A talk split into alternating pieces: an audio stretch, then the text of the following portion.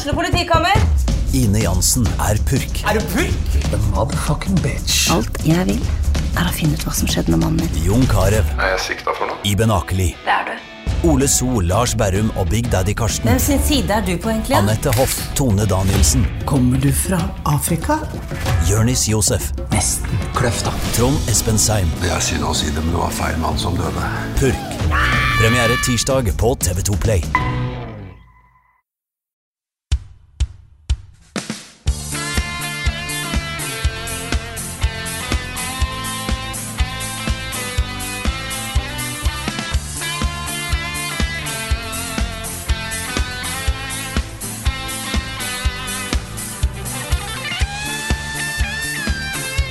Ja, da ønsker jeg velkommen til en ny episode av podkasten Level Backup. I dag har vi faktisk fått en ganske fancy gjest i anledning en ny release. Det er, det er Hitman da, som er på vei Nei, vent! Det er ikke Hitman. Det er Rune. Velkommen til en ny Det er en helt vanlig podkast. Vi er tilbake igjen, alle tre. Det er Karl Martin Hogsnes og Rune Fjell Olsen som ser ut som Hitman. Agent 48. Det er det yes. Mm. Nei øh, Det er så digg å være tilbake. det, det er, Vi har snakka om det før, da, når vi har hatt liksom sånne pauseuker og vært på ferie. og sånne ting At det er uh, veldig ålreit å være lytter av den podkasten her. Ja, det er det. Um, jeg, jeg, nå har jeg sittet og hørt på to episoder dere har laget, og sånt, og det har vært kjempekoselig. Sånn ordentlig koselig. Men man klør jo litt i fingrene. Man har jo hele tiden lyst til å hoppe inn med sin take. Og det var jo ekstra ille da at jeg ikke fikk vært med på den der predictions, uh, altså de spillene dere gleder dere mest til i 2021, Ja. forrige uke. Eller to uker siden var det. Og så Jeg har laget, da. Jeg har laget. Den kommer seinere. Ja, er. Så nå må du bare ta igjen for uh, tapt tid. Ja, ja, ja. Og så Så må det du blir også- av 20 TV-serier og Ja, du sitter klar med svar på alle spørsmålene vi har tatt opp de siste to ukene. Ja, ja, ja. Ja, fordi det vi må gjøre er at vi må klippe inn alle segmentene fra de forrige podcastene, sånn at Rune Ja. kan komme med sine takes. Ja. Det kommer sånn director's cut av de to forrige episodene hvor jeg bare legger inn mine kommentarer. Ja, ja. sånn, sånn Eller så I'm kan here too. Ja, hvis jeg kan, eh, hvis jeg kan, hvis jeg kan bare si en sånn derre Ja, hva syns du, Rune? Og så kan Ja. du bruke den, og så kan du klippe den inn. Ja. Og så bare bruker vi en sånn ja, jeg også, som kan gå sånn generelt på alle de Alle de Det tingene var som er litt bra sagt, Rune. Ja, Ja. Nei da, det går helt fint. Det er um, jeg- det- Jeg syns det ble kjempefine, de episodene. Så um, uh, dere trenger ikke meg. Men vi trenger deg likevel, da. vi gjør det. Vi gjør det. Ja, det var det jeg fiska etter. Nei, men vi, vi skal gjøre noe utrolig kult neste uke, så vi må plugge litt. Ja! Det må vi. For vi har ikke begynt å snakke så mye om det. Vi har jo nevnt uh, flere ganger at vi skal ha en sånn en uke lang stream-bonanza. Men nå skjer det. Yep. Nå skjer det. Ja, nå skjer det pokker søren klype meg på fra mandag, altså. Ja, har det er ikke lenge til. Det er bare noen få dager. Det er det. Mm. Og det kommer nå, kanskje det er ute når, når den videoen her, eller den podcasten er ute, en liten sånn teaser-trailer-ting som vi har lagt ut på YouTube. Mm. Hvor vi går gjennom litt, eh, litt timeplan og litt sånne ting. Og vi kan jo love ganske mye stas. Ja, det Vi blir så skal, vi skal spille gjennom hele Demon Souls på stream i, i co-op, Mm. multiplayer. Fy fader. Vi skal eh, ha live spilluka og den podcasten her. Da Ja. blir live. Det er bare å glede dere til det. Da er det mange som har eh, spurt om noen vi skal ha det, og nå, nå blir det. Da blir live. Da blir det live på, på internett på, på Twitch. Yes, Mm. så live som vi får det. Oh yes. Og vi skal spille bra spill, og vi skal spille dårlige spill. Vi skal ha en eh, god, god mengde gode spill, og så noen dårlige spill i tillegg. Ja, Noen sånne attpåklatter som er morsomme å streame. Yes. Mm. Litt temadager har vi. Ja, det har vi. Vi Speedrun torsdag. Ja, speedrun torsdag. Speedrun torsdag, ass. Og så har vi Spooky fredag. Og Partykveld. Partylørdag. Party lørdag. Og Nei, det blir ordentlig stas. Og schedulen vil jo da være tilgjengelig etter hvert, etter hvert som den blir helt klar. Eh, Men sett av tolv lunsj til tolv mandag til søndag. Ja. Er det ikke det vi Jo, kommer så, opp til? så 12 til 24.00 hver dag. Ja. Så eh, da, i de timene mellom, altså de tolv timene mellom hver, hver dag, hverdagssending, så skal vi spille av litt sånn eh, level up eh, highlight-videoer. Mm. Det vil si, det blir ikke highlights, fordi vi, kan, vi har ikke tid til å lage 100 pluss timer med highlights, men det blir Nei. på en måte de innslagene vi er fornøyd med, eh, kommer til å gå da i løpet av natta. ja. Så hvis man Så det vil være community-greier, altså chat og kos eh, på Twitch-kanalen vår. Level Up Nord Det stemmer. eh, gjennom hele uka. Hele døgnet. Det blir eh, kjempegøy også. Det er, det er litt sånn vanskelig for meg å kombinere et så eh, tungt schedule med unger som kommer hjem fra skolen, og kona som har lyst til å se på TV og alle disse tingene, men jeg skal være med så mye jeg kan. Og jeg òg skal gjøre mitt beste. Jeg har litt jobbgreier. Jeg, eh, jeg har litt jobb, Ja. punktum, men da jeg eh, kommer til å være der mye. Da håper jeg dere bare- blir. Hæ? Dere Ja, ja, ja. Yes. Men, men kan jeg bare få nevne et par av de tingene jeg gleder meg mest til å streame? Ja. Sånn, som en liten sånn teaser. Fordi jeg har jo blitt veldig sånn inspirert av, eh, av den derre uh, uh, latterlige kritikken Jon Cato kom med av Assassin's Creed Valhalla. Så uh, jeg skal ha to timer med det jeg kaller Valhalla? Magical, Magical. Mystery Tour. Ja. Magical Mystery Tour. Eh, så jeg har spilt opp på nytt eh, hele spillet, men ikke gjort noen mysteries og world events. Så eh, da er det liksom, skal jeg plukke ut de beste uh, sidehistoriene i spillet, og bare ta det. Åh, nå ser jeg for meg at du sitter på cam uh, med ganske sånn strengt ansiktsuttrykk og bare Ja. Høykultur! Dette er høykultur! Jon Cato! Så Ja, nei, jeg gleder meg veldig også. Det blir kjempegøy. Det er så morsomt å ha gjort det, fordi um, jeg ser utover kartet nå, når jeg står på en sånn et tårn, da, etter å ha tatt sånn synkronisering, så er det, det er bare sånne der, eh, blå søyler overalt, ikke sant. Det er kart fullt av ting som ikke er gjort. Jeg får litt sånn OCD av det. Sånn derre Å, jeg må jo ta dem! Men uh, jeg har klart å la være, da. Så det er en uh, helt sånn fresh save. Med bare Ja, det blir kjempe, kjempestas. nice. Og du, Carl, har du noe da du gleder deg mest til? Åh, det er ganske mye, egentlig. Jeg, jeg gleder meg til speedruns, for jeg finner ut at jeg skal speedrunne Pokémon Snap. Og det klarer jeg å spille Ja. ganske fort. Det, jeg er spent på om jeg klarer å få det under en time, det er ikke sikkert. Men, men, det, men det er liksom, jeg er ganske god i det spillet, sånn i den grad det er mulig å bli god i Pokémon Snap. Så, så det gleder jeg meg til. Og så, øh, er jeg veldig spent på den JRPG-workshopen som vi skal ha. Hvor vi skal, istedenfor å streame et spill, så skal vi sitte Jeg tenkte å streame liksom et, en, en Google Doc eller et Photoshop-vindu eller noe sånt. Hvor vi da sitter og brainstormer og tegner litt og litt sånne ting og prøver å liksom finne ut hva, hva er Faith of Engine? Hva er dette JRPG-et vi har begynt å skape? Og så, skal, og så blir det liksom collaboration med chat, og alle kan liksom sende inn tegninger, og så kan vi putte det inn i dokumentet. Jeg tror det blir koselig. Ja, det blir kult. Jeg har jo eh, satt av Jeg tror, for jeg, jeg glemte at jeg hadde satt opp litt på søndag i dag. Eh, men jeg har satt opp totalt seks timer, blir det vel da, med Zelda Breath of the Wild DLC. Fordi at jeg har ikke spilt det. Jeg har begynt litt på, eh, på den første Masters, eh, Master Trials, men jeg tror det blir fokus på The Champions Ballad. Nice. Eh, og det er, så da blir et, det blir et eventyr, eh, og da, jeg gleder meg til å spille det, fordi at jeg koser meg sånn med Zelda Breath of the Wild akkurat nå. Eh, og spiller jo bare på det jeg har gjort før, så det blir fint å få tatt litt tak i, i nye tingene. Hvis du klarer å finne alle de nye shrinesa i eh, Champions Ballad uten hjelp fra chatten eller internett, så ble jeg veldig imponert. For de er Da vanskelig å finne. Ja, det tror jeg ikke skjer. Så Nei. da tror jeg, Så kan det være bra at du har chatten der. Det er fint Ja, det jeg har chatten der, tror jeg. Så da tror jeg skal gå Mm. helt, eh, helt fint. Og Så vil jeg også bare nevne før vi går videre, at eh, det er jo ikke bare oss tre som skal eh, streame. Nick har jo eh, et eh, tungt schedule, han også. Masse greier han skal spille. Sant? Svendsen kommer. Svendsen kommer. Espen er med. Mhm. Ikke fått direkte confirmation fra Lars eller Bjørn ennå, men håper å få med de òg. Ja. Så det her, blir, eh, det her blir rett og slett bare en uke med ren kos. Det her blir uh, ordentlig, ordentlig, ordentlig gøy, altså. Og vi kan jo igjen si målet er jo å få nærme oss på Patrion muligheten til å ansette Nick. Ja. Ja. Vi er ikke så mange tusen dollar unna. Nei? Det er, eh, vi ligger nå på litt i overkant av 12 000 sist jeg sjekka. Det har ligget stabilt der lenge. Det har det, i hvert fall siden, siden forrige megastream. Så, så hvis vi kommer oss opp på, på 15, så er drømmen om Nick i, i oppfyllelse.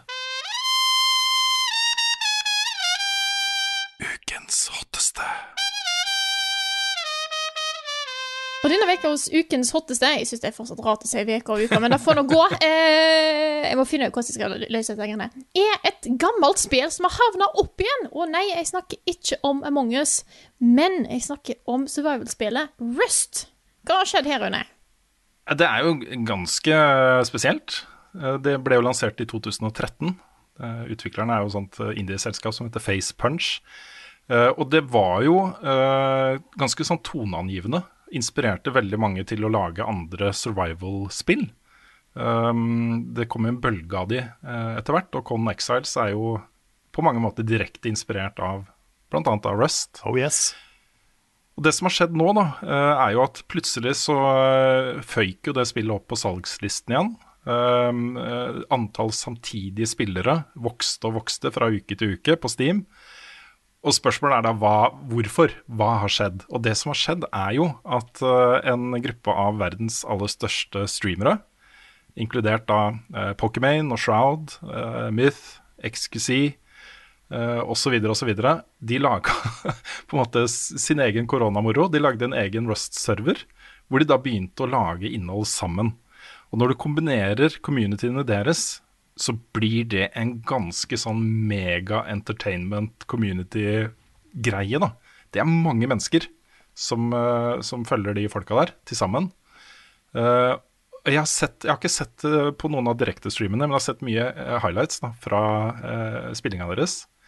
Og det er så gøy å se på. Det er som å ha en sånn derre uh, litt sånn sarkastisk, ironisk, uh, morobasert skråblikk, Fluenes herre, pandemi uh, Ting går skikkelig til helvete, men at det er gjort med glimt i øyet. da.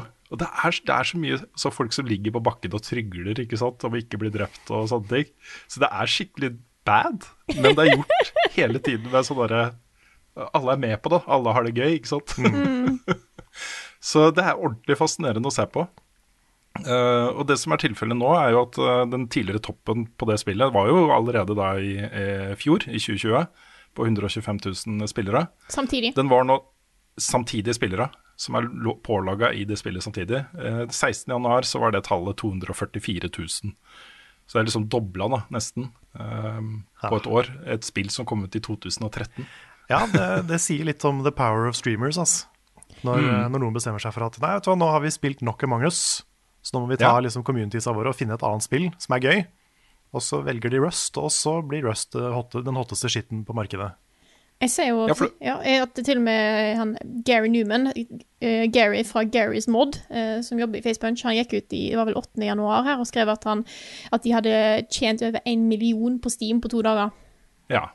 Ha. Det er helt ridiculous. Ja, det er jo det samme som har skjedd her, som skjedde med Manges. us. Eh, nøyaktig det samme. Og det er også en naturlig forlengelse, da, en fortsettelse. Ok, nå er vi ferdig med disse de små tegneseriefigurene på det søte romskipet. Nå, nå må vi det må bli enda verre. Det, vi, må liksom, en, vi må dykke dypere ned i menneskesyken og eh, ha en mulighet da, til å fucke med vennene våre. Ja, jeg tror det er det som er hovedingrediensen, at man fucker med vennene sine. Ja, jeg tror det Det kan hende at det Men er det har det. jo litt med samarbeid å gjøre òg, da. Rust er jo Ja, for det er jo litt opp, eh, Minecraft. ting. Mm. Også. Ja. Og så er det så mange sånne herlige sekvenser da, hvor, eh, hvor det kommer da igjen. ikke sant? Man bygger jo svære baser, sånn som man gjør i alle disse survival-spillene. Eh, og jo eh, sterkere basen er, jo mer, altså bedre våpen kan du lage, osv., osv. Men de er jo venner alle sammen, ikke sant? så selv om de ikke er på en måte med i samme klan og har, er med på samme basen og sånt, så de kjenner hverandre veldig godt, også fra andre ting. Så et av de morsomste klippene jeg har sett, er liksom en da, som uh, gjetta koden til uh, For de har sånn kodelås på inngangsporten. At du kan ikke komme inn uten den. Uh, gjetta koden til kompisen sin. Det var da 1111. og så hadde han plutselig endra koden, så han kommer da bort. Uh, og så, ja, han har endra den. Vi får bare prøve, da. Så prøver han 2222 og kommer inn. Åh. Kan, jeg, kan jeg ta en kjapp, en kjapp digresjon på det? Ja. Jeg husker ikke om jeg har fortalt den historien her før i podcasten, men jeg leide et kontor i Oslo en gang med noen venner. Og vi var, eh, vi delte, altså Kontoret var ved siden av kontoret til en, eh, en, en eller annen kristen organisasjon. Og de hadde wifi, og vi hadde ikke wifi ennå. Så vi um, tenkte OK, De har passord. Da skal vi bare prøve et eller annet. Så skrev vi Jesus, og det var riktig. Det er fantastisk. Ja, det er så fint når det bare klaffer. Ja. Ja. Det som er, jeg, har, jeg har veldig lyst til å uh, bli en del av uh, Rust nå. Jeg har lyst til å spille det. Men jeg har oppdaga at jeg har ikke lyst Jeg har absolutt ikke lyst til å spille det alene. Nei, nei, fordi jeg spilte jo litt Rust sammen med Nick, og var du med, Frida? Ja, jeg var med. Ja, Lars var også med, tror jeg. Og det var, jeg synes det var gøy, men jeg syns egentlig at Conan Exiles er bedre. altså. Mm. Det kan hende det er fordi Ja. at ikke jeg har gitt Rust en uh, god nok sjanse, men, uh, men det spillet har liksom Kona har jeg blitt veldig glad i. Mm. Nei, nå kommer jo Conan Exiles uh, Isle of Sipta kommer jo med full release nå i løpet av våren, etter det jeg har forstått. Um, Rust kommer også på konsoll i år. Uh, og de driver jo og beefer det opp, og de driver og videreutvikler det og uh, forbedrer det og sånne ting. Så det er en sånn ganske solid uh, oppblomstring av survival-sjangeren akkurat nå. Uh, og det, jeg tror det har ganske direkte sammenheng med den tiden vi lever i, og korona og hjemmekontor og alle disse tingene her. Det Behovet da, for den, det å på en måte ha det gøy i verdener hvor man også Hvor ting er liksom litt uh, Litt mørkt, da. Ja, Man rett og slett ruster seg opp til sånn det blir i 2022. ja. Jeg tror det Så- handler mye om samarbeidsbiten òg, da. Fordi at Ja, handler jo om samarbeid, og da har du plutselig en mer sosial ting som skjer Mm. i disse Ja. tider og sånt. Det er, folk har så sykt behov for å gjøre noe sosialt sammen når ikke man Mm. kan møtes. Og så er det et, eh, et eh, godt tips da, til folk som driver med sånn master i eh, psykologi og sånt. Jeg tror Rust, studere hva som skjer på disse Rust-serverne, og hvordan folk oppfører seg innenfor de rammene som er der. Der er det mye interessant å ta tak i, altså. Så så kan du sammenligne det med sånn folk oppførte seg på Fire Festival, og se liksom hva er likheten. Hva er... Der er det en masteroppgave. Mm. Nei, men Jeg anbefaler å sjekke ut litt sånne høydepunkter og kanskje noen av de streamene som disse uh, personene holder. Min favoritt da, av de jeg har sett uh, som gjør ting nå i Rust, det er nok uh, XQC, altså. Han eh, har en sånn derre eh, Han sitter sånn på kanten av stolen, fullstendig oppslukt i det som skjer. Og Det er sånn der intensitet da, når han møter nye mennesker. Er, kommer de til å prøve å skyte meg? Kommer de ikke? Skal jeg skyte de? og så videre. Det ligger en sånn dirrende intensitet rundt alle møtene han har da, med folk i spillet. Uh, og så er han veldig morsom. Så det, min anbefaling er kanskje å uh, sjekke ut han, da. Det er eh, kjempegøy også.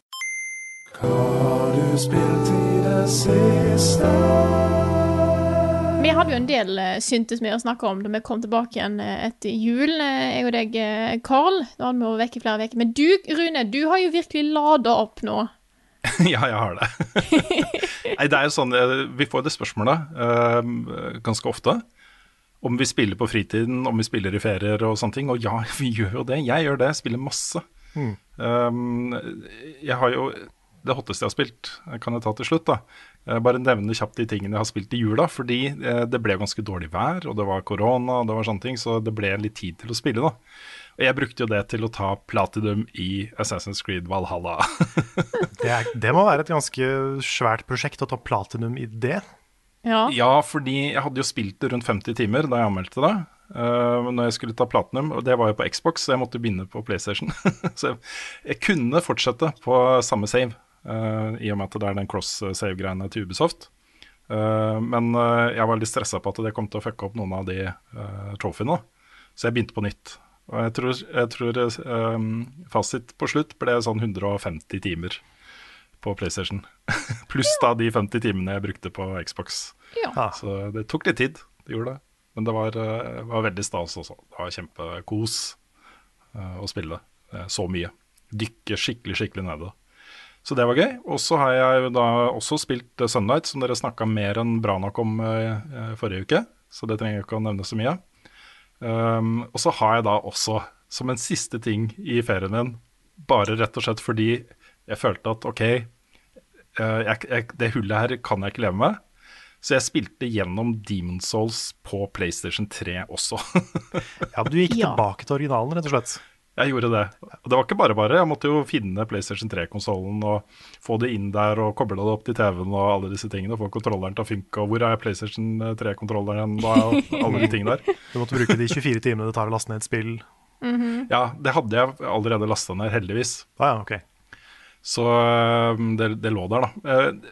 Eh, Det, det var litt kjipt å skru på det spillet med uh, hver, hver gang man starter det spillet, så får man bare beskjed om at the servers are terminated. Ja. Så det var ikke noe co-op eller ikke noe beskjed fra andre spillere, og ingen ghosts fra andre spillere og sånne ting. Så det var en veldig annen opplevelse, da. Ja, det er et- nå på PlayStation 5. Det er et fattigere spill enn det var. Ja, det er det. Men jeg kunne jo bruke alt jeg hadde lært da, fra mitt uh, platinum i Demon's Souls på PlayStation 5 her. Det var jo, Jeg kunne bruke de samme taktikkene på alle bossene, og items var på samme steder og sånt. Så det eneste som, eh, som jeg plaga, ble litt plaga av akkurat der, det var at jeg brukte jo en time på å prøve å, å få eh, Sodden Ring til å spåne. Oh, ja, Og den er jo PlayStation 5 eksklusiv. riktig. Ja, for da må du jo få den ene verden. Du må få den pure black. Ja. Og så eh, da spawner den ringen, da. Um, på PlayStation 5. Mm. Så jeg drev jo og prøvde å få den pure black. Jeg trodde den var pure black, og var, ikke sant? nå må den jo være pure black. Og så stakk jeg da ned. Det er en ganske sånn lang vei å gå da, for å komme dit den ringen er. Nei, den var jo ikke der. Jeg får prøve en gang til, da. Så det man må gjøre, er å bli human form, og så må du ta suicide, og så uh, blir den liksom ett skritt nærmere. Ja, ja, for dette er jo en ring for å kunne løpe fort gjennom den der gugga nedi, eh, nedi bæsjekloakken. Ja, for det var det neste stedet jeg skulle til. Og jeg bare så for meg hvor ille det kom til å bli uten Sodden Ring. Og det var ille uten Sodden Ring. Det er det. Det var helt forferdelig, men uh, det gikk. Så, så det har jeg gjort. Men jeg, jeg er litt overraska over at du gjorde det, fordi jeg har ikke lyst til å gå tilbake til PS3-versjonen av Demon's Souls. Ass. Nei, men det det, det handla om for meg, da, og det tok jo ikke så lang tid Eller også lang tid, det tok ca. 15 timer da å komme meg og ta helt, helt til slutten. Men jeg spilte jo litt sånn speedrun, eh, ikke speedrun, men også Jeg tenkte ikke på trophies og sånne ting, jeg bare skulle ta bossene. Um, men men det, jeg syns det er interessant å bare vite helt ut selv hvor det starta, da. Altså hvordan så det originale Demon's Souls ut? Hvordan var det å spille det? Og jeg, jeg jeg er helt sikker på at hvis jeg hadde liksom klart å komme over terskelen da det kom ut, og kom meg gjennom det da, så hadde det sannsynligvis vært mitt all time favorittspill. Altså den følelsen av å spille det spillet. Mm. så ulikt alt annet det var da det kom ut, eh, og så mange herlige gameplay-grep som det spillet etablerte. Det er sant. Amazing. All right. Men det jeg har, eh, bruker tid på nå, er jo da selvfølgelig Hitman 3. Det kommer ut uh, på onsdag. um, og jeg er veldig, veldig glad i de nye Hitman-spillene. Også Hitman 1 og 2 heter jo de nå, da, selv om det er jo uh, Hitman 6 og 7, eller hva det er. Um, og Hitman 3 er jo en direkte forlengelse. Altså historien fortsetter, går jo på tvers av alle disse tre spillene, og konkluderes nå da i Hitman 3. Så, så dette spillet jeg gleder meg masse til. Uh, og eh, har jo ikke spilt så mye av det, så jeg skal spare litt konklusjoner og, uh, og sånne ting til, til anmeldelsen min, som kommer da på NRK. Sannsynligvis på mandag. Um, men dette er bra greier, også. Dette dette er et selskap som har nå brukt to spill på å perfeksjonere en formel som de eier. Det er ikke noen andre spill som dette er. Eh, og det er så gøy å spille, altså. Og det, måten du spiller det på, er jo rett og slett du kommer inn i en stor, stor verden. Eh, de har brukt masse tid på å designe disse eh, brettene, da. Disse uh, missionene som er i det spillet. Med arkitektur og omgivelser og kule ting å se på og sånne ting. Og det å bare gå rundt i disse missionene og se på ting er kjempegøy, da. Det er eh, ordentlig, ordentlig bra arbeid som er eh, nedlagt i eh, bare verdenbygging her. Ja, det, er litt, det er litt det jeg skulle ønske Assassin's Creed var mer av. Ja, ikke Den sant? der, den der åpne assassination. Du må løse det på den måten du vil. Prøve å få det til best mulig, ikke bli oppdaga. Ja. Og så er det jo sånn, eh, Den uh, formelen de har kommet fram til, er jo litt sånn at du kommer inn og du har jo ikke noen eh, guides, med mindre du velger casual. Uh, det bør du helst ikke gjøre, da. Du, jeg skal ikke shame noen for å gjøre det. men du misser en ganske stor del av opplevelsen. Fordi hvis du spiller på en av de to andre vanskelighetsgraden, professional eller Jeg husker ikke hva den siste heter, den har jeg ikke prøvd meg på ennå. Um, så oppdager du jo um, Hva skal man si Assassination-historier uh, bare med utforsking. Og så du overhører en samtale, og så kommer det opp et clou om uh, et eller annet. Og så får du en, uh, en liten tekst da, som forteller deg hva det clouet er. Og så kan du følge på en måte den eh, historien da, videre på brettet. Eh, på veien kan det hende at du oppdager nye måter du kan gjøre disse eh, likvideringene på. Og da kan du velge da, om du skal switche til den, eller om du skal fortsette på det løpet du har, har valgt. Dette handler om da forskjellige måter å drepe targetene dine på. den ene mer kreativ enn den andre. og målet her er jo da å gjøre det uten å bli oppdaga. Du, da, hvis du blir fanga opp av sikkerhetskameraer, så kan du gå inn et sted og slette de opptakene og sånne ting. Bare sånn at når du er ferdig, så er det ingen spor etter at du har vært der og sånne ting. Ta på deg forskjellige typer forkledninger osv. osv. Det er masse, da. Så i starten på Hitman 1, det var jo et episodespill hvor det kom ett og ett brett da, fordelt over ganske lang tid, så var jeg ikke så fan av den fremgangsmåten. Um, da ville jeg mer da savner jeg litt den der sammenhengende historien. At du fløt gjennom en, eh, en campaign da, fra start til slutt. Og så kunne du eventuelt spille det campaignen på nytt på andre måter hvis du ville. Men her er det jo sånn at det er helt åpenbart når du kommer inn på et brett at det ikke nødvendigvis handler så mye om å følge en historie, men det handler om å liksom låse opp forskjellige assassination-løp. da, uh, Om å gjøre challenges og, og sånne ting. Um, og nå, etter tre spill, så er jeg helt on board med den, da. Jeg, jeg syns det er en kul måte å gjøre det på. At du behandler liksom hvert brett som en sånn godtepose av forskjellige ting å gjøre. Og så kan du vende tilbake når du er ferdig med ett løp og gjøre den på en annen måte, eller gå videre. Og så du kan plukke litt, da, velge litt fritt fra alle disse brettene etter hvert på forskjellige ting å gjøre. Så, det, er, det er din Super Mario 64, rett og slett? Det er litt sånn, altså. Ja. Det er litt sånn. Jeg storkoser meg. Jeg spilte jo, Det kom jo da i går for oss. Spilte det i ca. tre timer i går. Jeg ble bare ferdig med det første, første missionet. For jeg spilte det på forskjellige måter, og så hver gang jeg ble oppdaga, det, er jo, det er liksom skikkelig nederlag. Hvis du blir oppdaga og folk begynner å skyte på deg, så er det veldig nærliggende å bare reloade forrige save, altså. det, er ikke, det, er ikke, sånn jeg har lyst til å spille det spillet. Jeg har ikke lyst til å skyte noen, liksom. Det er ikke noe gøy. Det er mye bedre å finne litt rottegift og legge i glassa til folk og ja, bare, sånne ting, liksom. Bare knyte masse masse gassballonger på offeret, og så håpe at de flyr opp i, opp i evigheten. Mm -hmm. Ja, ja, ja. Nei, det er, det er, herlig. Det er uh, kjempestilig. Så, um, så det gleder jeg meg til å fortsette på. Så det er vel egentlig meg, da. Ja. ja. Kan jeg, eh, kan jeg, ta over og så bare spørre Frida? Fordi, ja. Eh, fordi, jeg vet jo hva Frida har spilt, og jeg er veldig nysgjerrig. Ja. Fordi vi har spilt det samme, Frida. Vi har spilt Ring Fit Adventure. Ja, jeg har spilt det for første gang. Åssen gikk det? Jeg har vondt i beina. Ja, men har, har du fått noen gains? Jeg har fått uh, Jeg vet ikke helt hvor lett det er å sjekke om jeg har fått noen gains ennå, men uh, jeg er veldig fornøyd med egen første innsats. Uh, og er overraska over hvor Hvor lett det spillet på en måte får meg til å gjøre ting selv om jeg ikke nødvendigvis har lyst til det. Mm. eh, fordi at jeg har satt for Når du har disse fightsa, så kan du velge enten hva slags øvelse du vil gjøre, enten det er squat eller noe overhead press og litt sånne ting.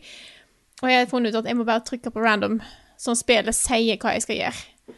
Og så dukker det ja, okay. opp at jeg skal gjøre flere squats eller overhead press, og jeg bare sånn jeg har ikke lyst til å gjøre det, men da skal jeg gjøre tolv av de likevel. Uh, ja, ok. Ja, det er ja. Kanskje, kanskje, egentlig smart. Mm. Jeg har aldri brukt den der random-funksjonen. Uh, da jeg følte jeg fikk en god variasjon, da. Ja. ja. fordi jeg merker at jeg slites litt mellom liksom, hva gjør mest damage? Sånn, skal jeg minimakse, eller skal jeg fokusere på trening? Å, da har jeg ikke tenkt på engang. Nei. Eh, jeg har bare på en måte Jeg har ikke tenkt på hva som gjør mest damage. Jeg innser at jeg er nødt til å spille dette mer som en RPG. Ja, for jeg har fått en sånn der OP hip shake. Som jeg kan, liksom bare, jeg kan bare stå og bare vrikke på hoftene mine og gjøre masse damage, og det er ikke så tungt. Sånn, da, kan jeg, da, kan jeg, vinne fights, men da får jeg ikke så mye trening. Så det er, sånn, det er en sånn vanskelig balanse. Det er da jeg innsett, det er derfor jeg tenkte at jeg regner med at noen av de vil være greiere å gjøre enn andre, så derfor har jeg satt på random for min egen eh, For en eh, bra ting. Men altså, jeg, jeg, jeg sprang mye mer enn jeg trodde. Jeg hater jo å springe. Jeg syns det er forferdelig kjedelig, men jeg endte opp med å sprunge to kilometer. Så jeg er fornøyd med det.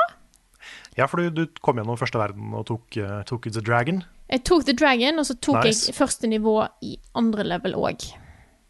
Cool. Så, eh, så jeg kjenner, jeg kjenner litt, litt Beina mine er litt tyngre i dag, og litt stive i skuldrene, men jeg tenker da, eh, Jeg har lyst til bare at det skal gi seg helt, og så skal jeg ta, ta neste runde. Kanskje, kanskje i morgen? Ja, kult. Nei, men Det er bra vi er flere som har begynt på, begynt på ringfit-kjøret. Yes. Jeg, jeg, jeg liker konseptet kjempebra. Jeg syns de har fått til noe veldig veldig kult. Jeg gleder meg til å låse opp flere øvelser, eller noe. Og, og du har så mye mechanics som du låser opp etter hvert. Ja. For du har etter hvert du har forskjellige farger på de skillsa dine. Ja. Og noen skills er effektive mot noen type monstre okay. etter hvert. Og så får du muligheten til å lage smoothies. Ja, for det er mye snakk om smoothies eh, så langt. Det de skal mm. lage en kale and something smoothie. Yes. Yes, ja. Kålsmoothie, er det det? Kale? Kale er grønnkål. Grønnkål? Ja. Mm. Det har jeg prøvd, og det er ikke godt. Jeg er fan av grønnkål. Er det? ja. ja. Grønnkålsuppe er godt. Men uh, hva var det jeg skulle si, da? Uh, jo, jeg gleder meg jo til skill-treet, som jeg hørte snakk om forrige uke. Ja, level 40 låser opp skill-treet. Ja, det er det. Jeg er bare level 5, Mm. Uh, så jeg må ta, jobbe meg litt oppover der. En dag når du blir sånn superbuff, da har du. Det er bare at du gleder seg til jeg blir superbuff. Da Ja, sånn som, sånn som jeg har blitt. Mhm, mhm. The hip shake man. Hip shake, ja da. Nei, det merker ikke så mye muskler, men, men det, er, det gjør noe, altså. Du får liksom litt mer energi, og du, du blir litt Jeg merker at det liksom skjer noe av å spille det. Så det, det er et bra spill. Det er veldig gjennomført. Mm. Det, er altså, det, det er jo mye styrketreningsøvelser der, men det er ikke nødvendigvis sånn på en måte veldig eh, Jeg tror ikke det er da, spill da du bør gå for hvis du vil bygge muskler. Nei. Sånn, sånn å bli liksom skikkelig beefy. Eh, da bør du ha litt mer sånn eksplosiv styrketreningsgreie. Men for generell styrking av kroppen, tror jeg, og bevegelse og trening generelt, så Mm, tror jeg det er veldig bra. Kondis. Oh yeah. Så anbefaler Ring Fit Adventure til alle som har lyst til å bli en lifter from another mifter. er det noe? Yes, Takk for meg. det var akkurat det jeg tenkte på. Yes. Uh, men da vil jeg gjerne ta fortsette, hvis du var ferdig, Cal.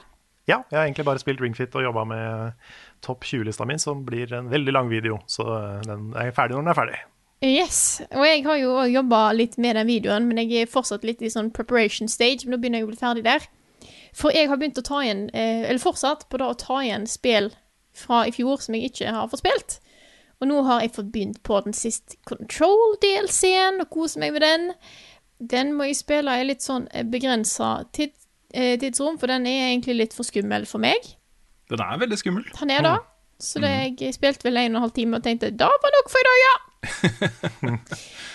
Ja, det er måten de liksom bruker lys og mørke på der, som Mm. gjør det ganske freaky, altså. Er det Jeg den Alan Wake-greia? Ja, stemmer. Ja. Jeg kan jo veldig lite om Alan Wake, men jeg regner med at det, det, går fint likevel. på en måte få... Ja, det er mer en sånn derre Å, er det samme univers? Ja. Type um, greie, da. Det er ikke en, uh, noe essensielt for opplevelsen. Nei. Nei, for jeg merka at jeg gikk gjennom en gang, og så så jeg til høyre, og der var det sånn et rom med masse dritt inni, og jeg bare Nei, jeg vil ikke inn der! Og så bare gikk jeg videre. Jeg tror det var optional.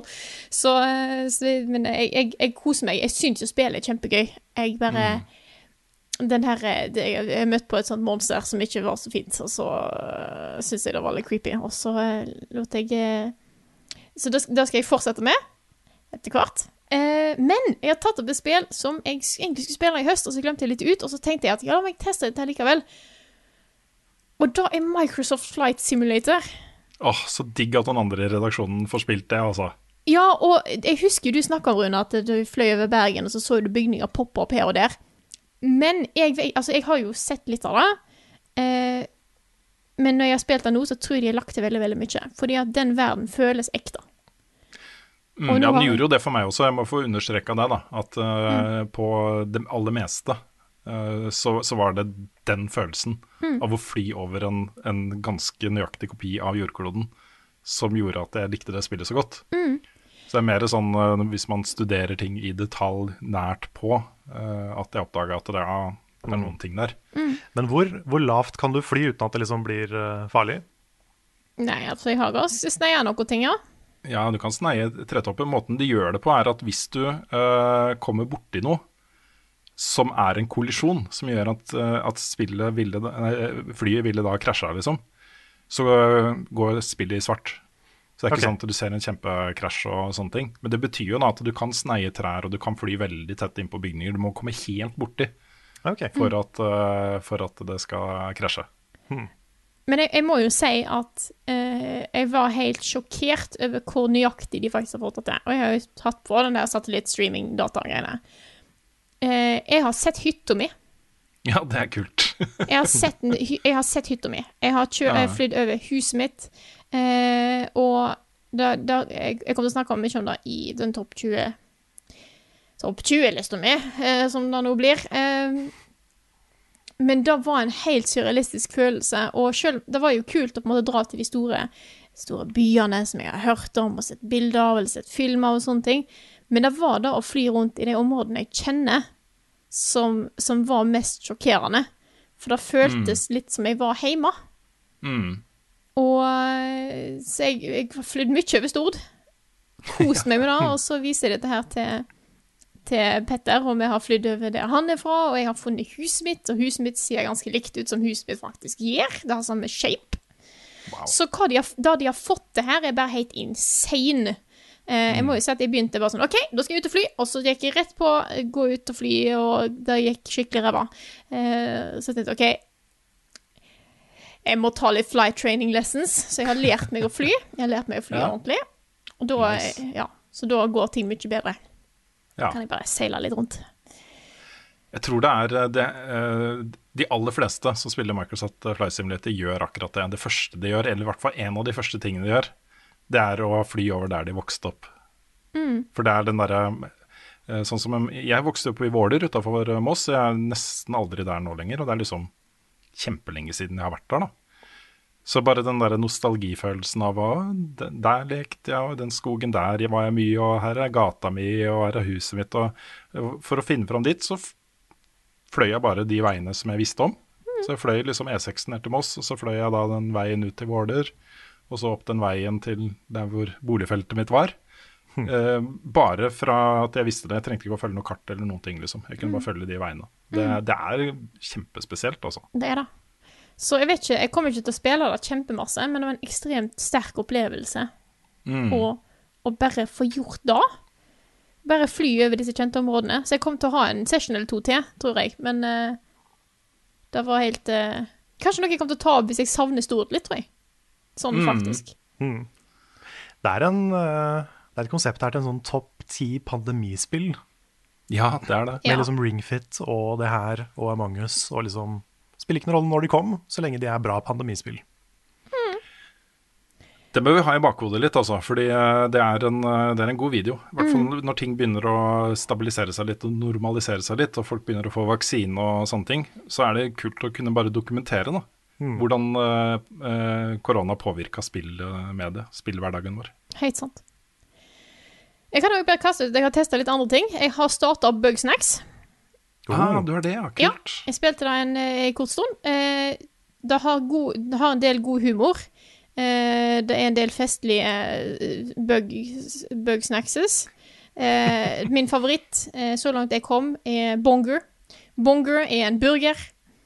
Eh, Bonger-burgeren går rundt, og han, sånn som Pokémon, sier navnet sitt, og han går rundt og sier bonger, bonger, bonger, bonger. Bonge, bonge, bonge, bonge. og det er, det er faktisk det beste jeg har, eh, noe av det beste jeg har sett. Men spillet var litt kronglete, så jeg ga det opp. Eh, Men mm. det, er, det går det er, Hvis jeg sier et eller annet, Om jeg hadde burger til middag i går, og i hodet mitt så går det bare bonge, bonge, bonge. bonge, bonge, bonge. Eh, så det er, det er sånn som jeg funker akkurat nå.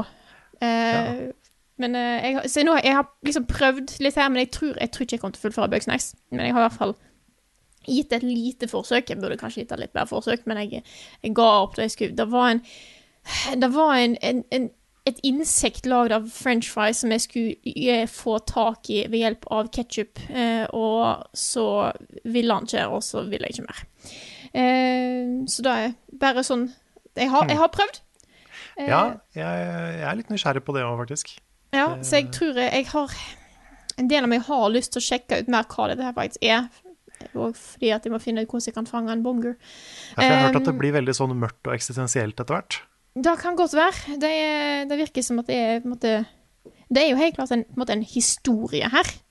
Så jeg er egentlig litt interessert i den, så jeg får se hva det blir til. Men jeg tror jeg, tror jeg nå har fastslått hva spill jeg kommer til å ha med i um, I uh, topp 20-listen min, og egentlig så er det vel bare Control DLC-en jeg må fullføre, så jeg er egentlig klar. Så det, det blir en ting. Eh, ellers så driver jeg jo fortsetter på Selda. hjemme gjør klar til, eh, til streamen på mandag. Eh, planen er å ha fullført spillet før, før jeg skal streame det på onsdag, ble det vel til.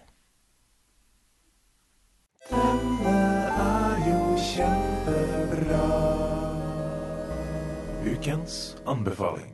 Hvem skulle trodd at Rune er tilbake igjen etter pause fra podkasten i flere uker og har TV-anbefaling? Jeg har det, vet du. Jeg har ikke bare spilt Assassin's Creed Valhalla i ferien, jeg har sett litt på TV også. Ja. Ikke så mye da som jeg eh, egentlig hadde tenkt å gjøre. Det ble mye Assassin's Creed. Men eh, jeg syns vi har snakka altfor alt for lite om Cobra Kai i podkasten her. Så nå har jeg da sett eh, ferdig sesong tre, og det er bare så utrolig kos, den serien. Det er nesten sjokkerende hvordan de har fått til den derre nostalgifølelsen eh, med glimt i øyet. Det, for det er ikke bra, liksom. Det er ikke, det er dette, er ikke, dette er ikke Tsjernobyl eller eh, Breaking Bad. Altså, det er ikke det Dette er Hva skal vi si B-film, C-film, men gjort bra, da. det er veldig rart, altså. Uh, veldig sånn klisjétungt og, og sånt, men det er gjort med så mye sjel og varme at det blir bare kos å se på. Så, så de tar jo liksom for seg da eh, filmene. Eh, nå begynner det jo å komme litt ut i serien. De henter opp igjen ting, da. Eh, og det jeg syns var mest morsomt med et sesong tre, var at endelig har Cobra Kai, TV-serien, blitt så stor og så hot at selveste da Elisabeth eh, Shue eh, turte å være med. så hun, har liksom, hun var ikke med i de første to sesongene. Det er sikkert sånn, eh, Hun er jo en stor filmstjerne, og det var liksom Føltes som det var litt beneath her, da. Å delta på den her. For det, alle de andre er liksom De har ikke gjort noe stort siden den gang, kanskje, i særlig stor grad. De har på en måte fått en ny vår, ikke sant. Mens Elisabeth, Elisabeth Shue, da, hun er jo stor skuespiller, liksom. Eh, men nå var hun med da i en episode i sesong tre, og det var kjempegøy å se på. og ikke minst så Det var vel Karate Kid 3, tror jeg, hvor, eh, hvor eh, de drar til Japan. Til fødestedet til uh, Mr. Miyagi. Og nå er, Han drar da til Japan for å redde bilforhandlerselskapet sitt, ikke sant. og møter da ikke sant, de samme folka som var med i filmene, og det er bare kjempebra. Men jeg har ikke sett Karate Kid på mange år. Hva. Hvem var det Elisabeth Shue spilte igjen? Det var da kjæresten til uh, Altså hun uh, jenta som, uh, som Karate Kid stjal fra skurken da i første filmen. Det var Så hun var liksom the love sånn- interest. Det var eh, Love Triangle, ja. Ja, nettopp. Så, og det spiller du jo fullt ut på nå, da. Det er bare så gøy, altså. Det, man møter seg selv litt i døra òg, ikke sant. Fordi dette er jo store filmer fra 80-tallet og uh, speila litt den jeg var den gang også. Og så eh, helt uironisk elska jo de filmene. Det var jo eh, skikkelig, skikkelig bra greier, da. Det er vel Eh, bare den første som egentlig er bra, er det ikke det? Ja er, Den er klart best. Ja. Men jeg syns Karate Kid 2 og 3 også var vel verdt å se den gang, da. Uh, og så syns jeg også den uh, remaken som ble gjort, med han sønnen til uh, Will Smith Mm. og Jada Pinkett, også var ganske bra. Dette er jo liksom veldig sånn det onde mot det gode og sånne enkle, men effektive ting, da. Um, men, men de var jo ikke Det var ikke kjent for å være høykvalitetsfilmer, liksom. Det var mer veldig underholdende, morsomme spennende filmer å se. da. Eh, men de har jo da ikke sant, Det at Karate Kid er jo en Han driver et, et, et, et bilforhandler. Han er bilselger, liksom. og driver fortsatt liksom eh, og spiller på, på at han eh, var all state champion i karate som ungdom, liksom. Det var sånne reklamefilmer hvor han er sånn chop prices og sånne ting. ikke sant? Det er så gøy, da. Det er så ordentlig, ordentlig det er litt sånn dystopisk eh, Karate-kid. Ja, men gjort med sjel og varme. Og han har jo stort, fint hus, og det har gått bra med han, liksom. Ikke gått så bra med han andre, da. Nei, Nei for jeg- Men, den, eh, den serien har liksom ikke vært på radaren min, men uh, du, du Nei, selger den den jeg- litt nå, altså. Anbefaler folk å se den, også, særlig hvis du, um, eh, hvis du har i hvert fall litt forhold til Karate Kid fra før. Fordi um, eh, Og så tror jeg den er mest effektiv for de som så de da de var unge. Fordi det er den derre der, er um, Ja, jeg har også blitt eldre, liksom. Jeg er jo ikke den samme personen som jeg var da de filmene gikk. Uh, og det er en del humor og situasjonskomikk og sånne ting knytta til det, da. eh, som er uh, veldig bra. Jeg begynte på taekwondo etter jeg så Karate Kid. ja, nettopp. Varte ikke så lenge, men uh, it happened. Ja, nei, jeg eh, eh, gikk jo raskt videre til uh, Jean-Claude van Damme og sånt, jeg, da. Så det var liksom fra Karate Kid til Bloodsport og alle disse filmene. Så eh, det, det gikk liksom Karate Kid i bakspeilet ganske fort. Men eh, eh, ja, det hadde en viss påvirkning. Det hadde det. Så den anbefales. Den er kjempebra. Og nå er den jo på Netflix også. Den var jo en YouTube-serie først. Eh, Første sesong var jo bare på YouTube. Så Stemmer har den det. liksom bare blitt større og større for hver nye sesong. Og de slipper ikke opp for Steam. Det er fortsatt gøy, liksom. Det er fortsatt bra, og den blir bedre og bedre. Så det har jeg sett. Og så har jeg da eh, fått sett sesong to av Mandalorian. Eh, og det også det, Ja. det er litt den samme greia, liksom. At uh, du tar utgangspunkt i en sånn derre uh, fandom som er knytta til Star Wars, og som har liksom kanskje var størst da på 80-tallet, slutten av 70-tallet og 80-tallet. Og så leverer du bare sånne sånn derre greatest hits av fete ting du kan gjøre i Star Wars-universet. Ja. Jeg skal ikke spoile noe som skjer i sesong to eh, der, men det er et par sånne hendelser eh, i den sesongen som er bare sånn Slutt, slutt å si at ikke det er mulig å lage nytt Star Wars-innhold som både appellerer til uh, gamle fans og nye fans, altså, for det er det de gjør. Ja, jeg syns jo sesong to var enda bedre enn sesong én. Sesong Ja. holder jo litt tilbake på en del ting. Mm. Jeg har litt blanda følelser uh, rundt det at Star Wars er veldig sånn referanseporno noen ganger. At det blir veldig Ja. sånn eh, det- det refererer veldig mye til seg sjøl hele tida. Men, eh, men jeg syns Mandalorian liksom så vidt klarer å balansere på den linja. Mm. At det, det liksom, det er kult, det er mange referanser, og det er veldig sånn porn for de som har sett originale trilogien hele veien. Mm. Men, men det er fortsatt bra. da. Det er fortsatt en kul historie, og det fortsatt eh, Det funker fortsatt for seg sjøl, på en måte. Ja, så er den litt Den er litt sånn anime, fordi eh, det som var litt problemet med sesong én, var at eh, For den er også litt sånn anime, hvor eh, de første par episodene var kruttsterke, og så var det en del episoder hvor liksom, ja, Mandalorian reiser rundt fra planet til planet og skal hjelpe en landsby med ikke sant, Og så ble det litt sånn Sidequests. hmm? Sidequests. Ja, litt sånn Sidequest. Litt sånn uh, Sina, Warrior, uh, Princess, sånne ting. Det ble en veldig sånn tradisjonell serie, da. Um, og det er sesong to også, men hver eneste episode er nå på en måte skrevet rundt veldig fete ting. Altså De tingene han opplever, de stedene han reiser til, de personene han møter, er mer utvikla. Det er kulere klipt, det er kulere filma, kulere set pieces. Så hver eneste episode, selv om det er liksom man er på vei et sted og disse tingene, og det er en litt sånn lukka historie, da, så er det, er det bedre eh, gjort. Så derfor så funker sesong to også mye bedre for meg, da. Ja, ja det, er jo, det er jo straight up en samurai-serie. Litt sånn forma som en klassisk samurai-TV-serie. Mm. Eller slash cowboy, kanskje. Blanding. Ja. Og så eh, Vi skal eh, ha noen sånne predictions for 2021 senere. Jeg har eh, eh, tatt en av de inn her. Um, så jeg hadde seks. Eh, da blir det bare fem neste. Men uh, det ble jo kjent at uh, Massive i Sverige skal lage et nytt eh, Star Wars-spill. Stemmer. Jeg har ikke sett det noe sted, men jeg er nesten helt sikker på at det er Mandalorian. De har ikke sagt at det ikke er det. De har bare sagt at det er et Star Wars-spill. Ja, det, det kan hende. Det er jo sånn Historien i The Mandalorian-serien føles jo ofte som et spill. At han får liksom suit upgrades, og han gjør Ja, ja, ja. sidequests. og Det er, liksom, det er, det er forma litt som en sånn open world-greie. Og så er det jo også ganske stor variasjon da, på de forskjellige Mandalorians i uh, TV-serien.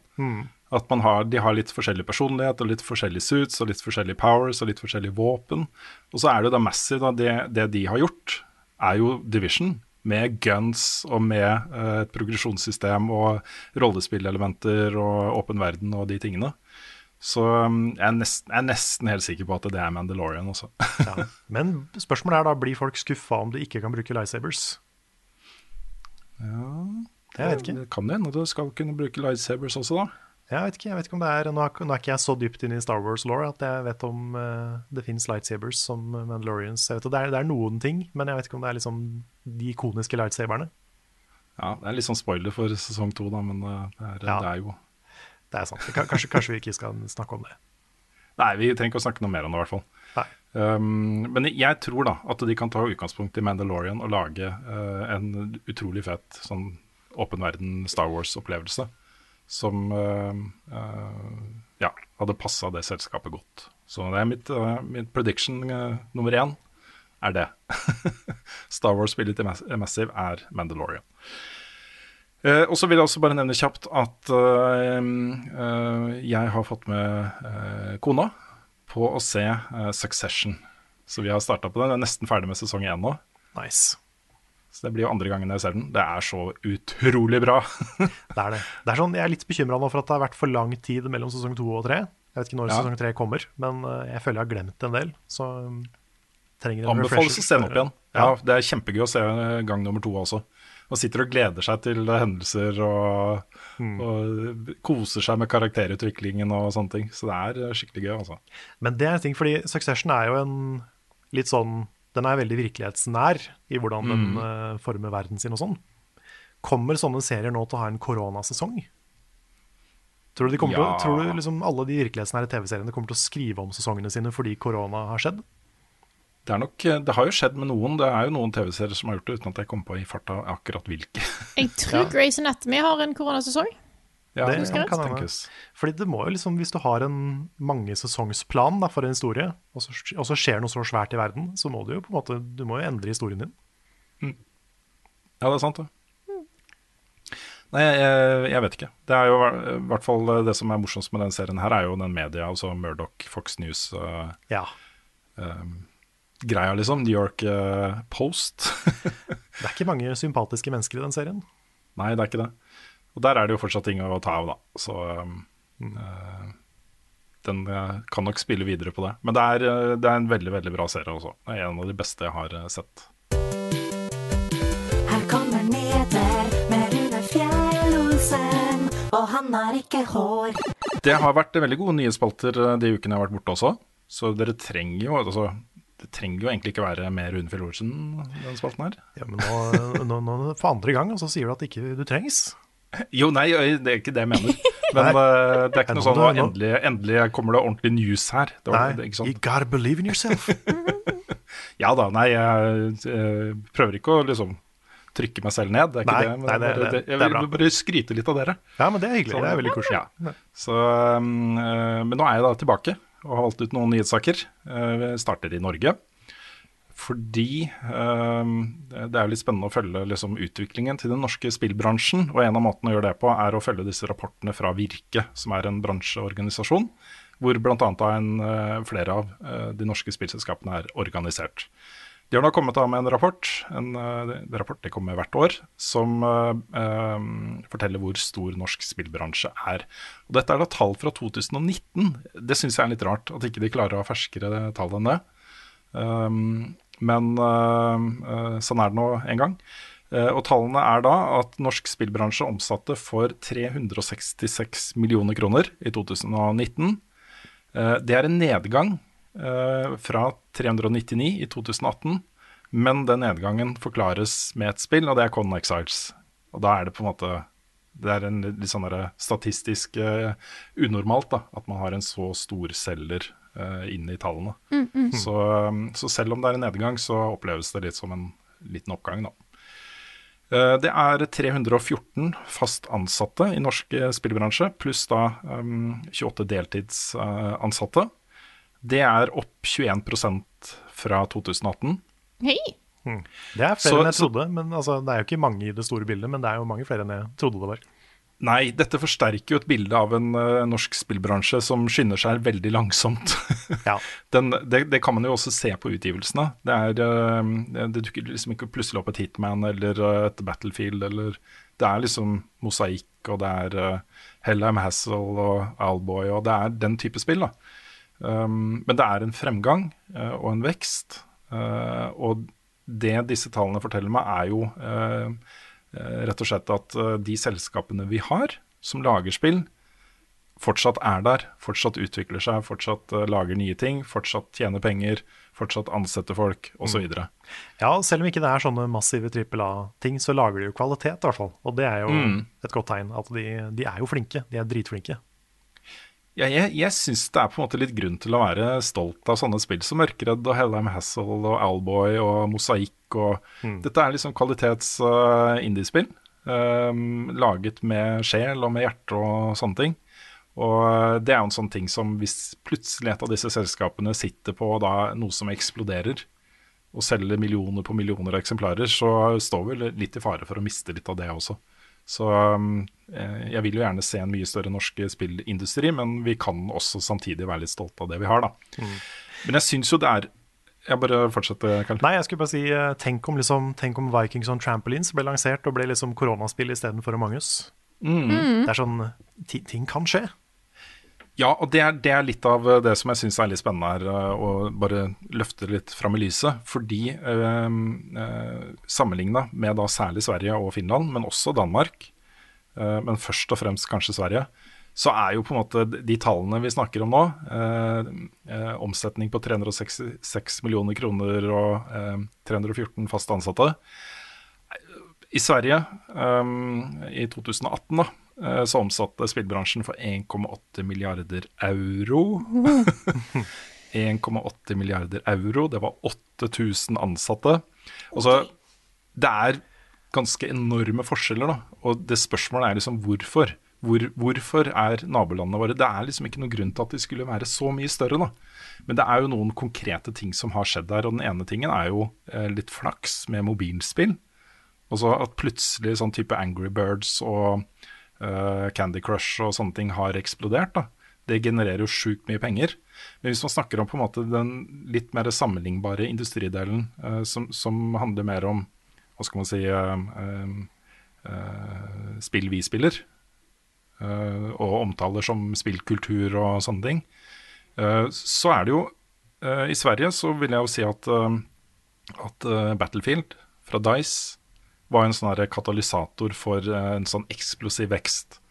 Uh, og grunnen til at Battlefield ble noe av, var jo at de hadde et spill uh, før det som Litt sånn som Demon's Souls. Det var det, Konseptet til Battlefield ble eksperimentert med. Du Mm. kunne sette deg inn i fly, og du, kunne, du hadde multiplayer hvor du kunne sette deg i tanks og fly og, og ha det gøy. da. Um, lagd med, det, Dice var bitte små da de lagde det spillet, men det var en kime til noe. Uh, Ja. Og du har også Minecraft. Det gjorde nok ganske mye. Ikke sant?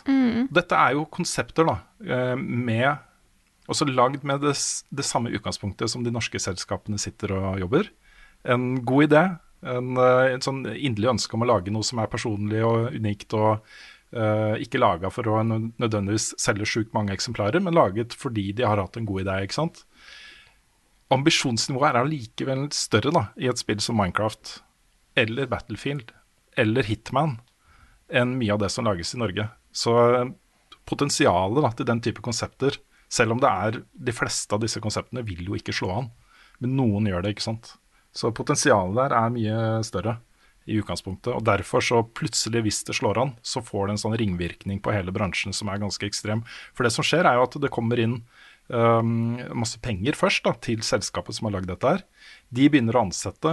Utdanningsinstitusjoner begynner å skjønne at hey, vi trenger flere spillutviklere i Sverige f.eks. Så de begynner å ruste opp utdanningstilbudet. Investorer begynner å skjønne at hey, her kan vi tjene masse penger. De begynner å dytte penger inn i bransjen. ikke sant? Mm. Så vokser det ut fra det. Og så begynner folk å bli lei av å lage Battlefield. Eh, de har sittet som regissør kanskje av Battlefield i eh, fem år. Ti år. Nei, jeg lager mitt eget selskap, og så kommer det sånne spill som, uh, selskaper som Starbreeze og Massive og, og sånt som blir store, de også, ikke sant? Ja, så får de eh, Indiana Jones og Star Wars og Nettopp. Og så har du store, Så- du har også store publishere, sånn som, eh, som eh, Paradox, som Mm. har jo sant, egne Det har tatt av bare en hel sjanger, som er jo strategispill, eh, Ja. som også er jo svensk. Så eh, Mm. du, du får på en måte en hel multifaceted bransje, da. Men det er litt morsomt, fordi norsk, norske spill og norsk film det er liksom, de, har, de har en del til felles, de bransjene. Vi er mm. glad i litt sånne små personlige kunstneriske ting i Norge. Ja. Det er bare litt sånn vi er, tror jeg. Det er litt sånn vi er. Og det er sånn, jeg, jeg, jeg tror nok uh, Det snakkes jo en del om liksom norsk spillbransje bør få mye mer penger av eh, norske myndigheter, også over kulturbudsjettet. Og kulturpolitikk er jo viktig i Norge. Mm. Det gis jo masse penger til både teater og film og musikk og spill og andre ting. Uh, og spørsmålet er liksom, burde ikke spill få mer? Det er uh, en av våre største kultureksporter, og det er en viktig fremtidsbransje, alle disse tingene. Norsk spillbransje er på en måte ikke klar for den, den type investering ennå, føler jeg. da. De, eh, de må hjelpe til litt med å øke ambisjonsnivået litt også. Og gå inn da på sjangere og på spillkonsepter som kanskje har et litt større potensial. Du vet, du vet at uh, Mosaikk ikke kommer til å selge 50 millioner eksemplarer fra før, liksom. Nei, men tror du ikke de har en del sånne konsepter eh, på, på lur, mange av de? At de kanskje venter på finansiering? Ja, det, er, det er nok sant, det også. Um, uh, men det må være det, på en måte det riktige selskapet og det riktige konseptet og, og sånne ting. Så eh, på et eller annet tidspunkt så må man liksom eh, bare ta en sjanse. Noen må ta en sjanse og gi eh, et sånt selskap de pengene de trenger for å ansette de folka de trenger for å lage det spillet de har lyst til å lage. Jeg må si at det det er skjer veldig mye spenn, ja. Det skjer veldig mye spennende i norsk spillmiljø òg, da. Eh, Mm. Men eh, jeg skjønner hva du mener. Det, en må opp i størrelse. Ja, men eh, det er mange av disse selskapene som ikke vil opp i størrelse. Jeg husker vi snakka med Deep- Dpad etter eh, suksessen med Alboy. Eh, eller det var mer sånn, hva gjør de da, hvis de plutselig selger mange millioner eksemplarer av det og tjener massevis av penger? Hva skjer med Dpad da? Og da var jo både Simon og Uremi var sånn Nei, det kommer ikke til å skje så mye. Kanskje vi skaffer oss et kontor, ansetter kanskje én til, da, eller to maks, liksom. Men jeg, jeg skjønner det. Fordi Ja. Ja, ja. Jeg, jeg tenker jo Definitivt. sånn Hvis jeg skulle begynt å lage spill Jeg hadde jo satt meg ned og laga et personlig lite indie-spill, Og Ja, triv, ja. trivdes med å være en liten spillutvikler, liksom. Mm. Det er, det er jo folk som slår gjennom i dag. Sant? Undertale ble jo ganske Ja. boom. Ja, ja. Det, det kan jo skje, det òg. Det kan skje, selvfølgelig kan det skje. Så um, ja. Vi kan la det ligge, ligge litt. Det fall, jeg jeg syns det er kjempespennende å følge norsk spillindustri. Jeg syns 2020 var et veldig bra år for norske spill. Um, så um, er spent på fortsettelsen her også. Um, det har også blitt kjent at Valve og en del andre selskaper har fått en kjempebot fra EU um, nå. Eh, Valve har blitt bøtelagt eh, med 7,8 millioner euro. Oi.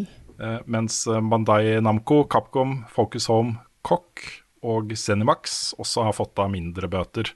fortsatt ganske mye penger. Det, det denne saken her har gått på, denne, jeg tror den har vart i sju år eller noe sånt. Sju-åtte år. Det det går på, er geografisk blokkering av spillkeys. At hvis man eh, har kjøpt da f.eks. en spillkey i eh, et land, og så skal den aktiveres et annet land, så har de da ikke fått det til. Altså Det var noen av de eh, spillene som var blokkert da, ehm, eh, over landegrenser. Og i EU så er jo ikke det tillatt. I EU skal det være fri, fri flyt av varer og tjenester. Så det er det denne rettssaken har gått på, det er det denne boten handler om. Um, Valve anker jo saken, så den er ikke over. Men um, det er litt interessant uh, å kikke litt på denne saken, og ha den litt i bakhodet også. Fordi uh, det som uh, er argumentet til, til Valve her, er et ikke sånn helt ugyldig argument. Og det er jo at det er forskjellig prisnivå i forskjellige land. Og det å ha på en måte geografisk lokasjon på hvor spillnøkler er kjøpt, gjør det da mulig å justere prisnivået på spill ut fra hvor mye penger folk har, da, spillerne har i det landet. Så hvis eh, liksom bruttolønna til folk er mye lavere i et land, så kan de kanskje ha lavere priser i det landet, da, sånn at de får muligheten til å kjøpe disse spillene, de også. Eh, Da åpner man jo da opp for muligheten for at folk eh, kjøper spillnøkler i det landet, og så bruker det et annet land hvor det er mye høyere lønnsnivå og sånne ting. Men det er samtidig en veldig sånn demokratisk ting. At man har muligheten til å ha forskjellige priser på spill, basert på hvilket land det er i.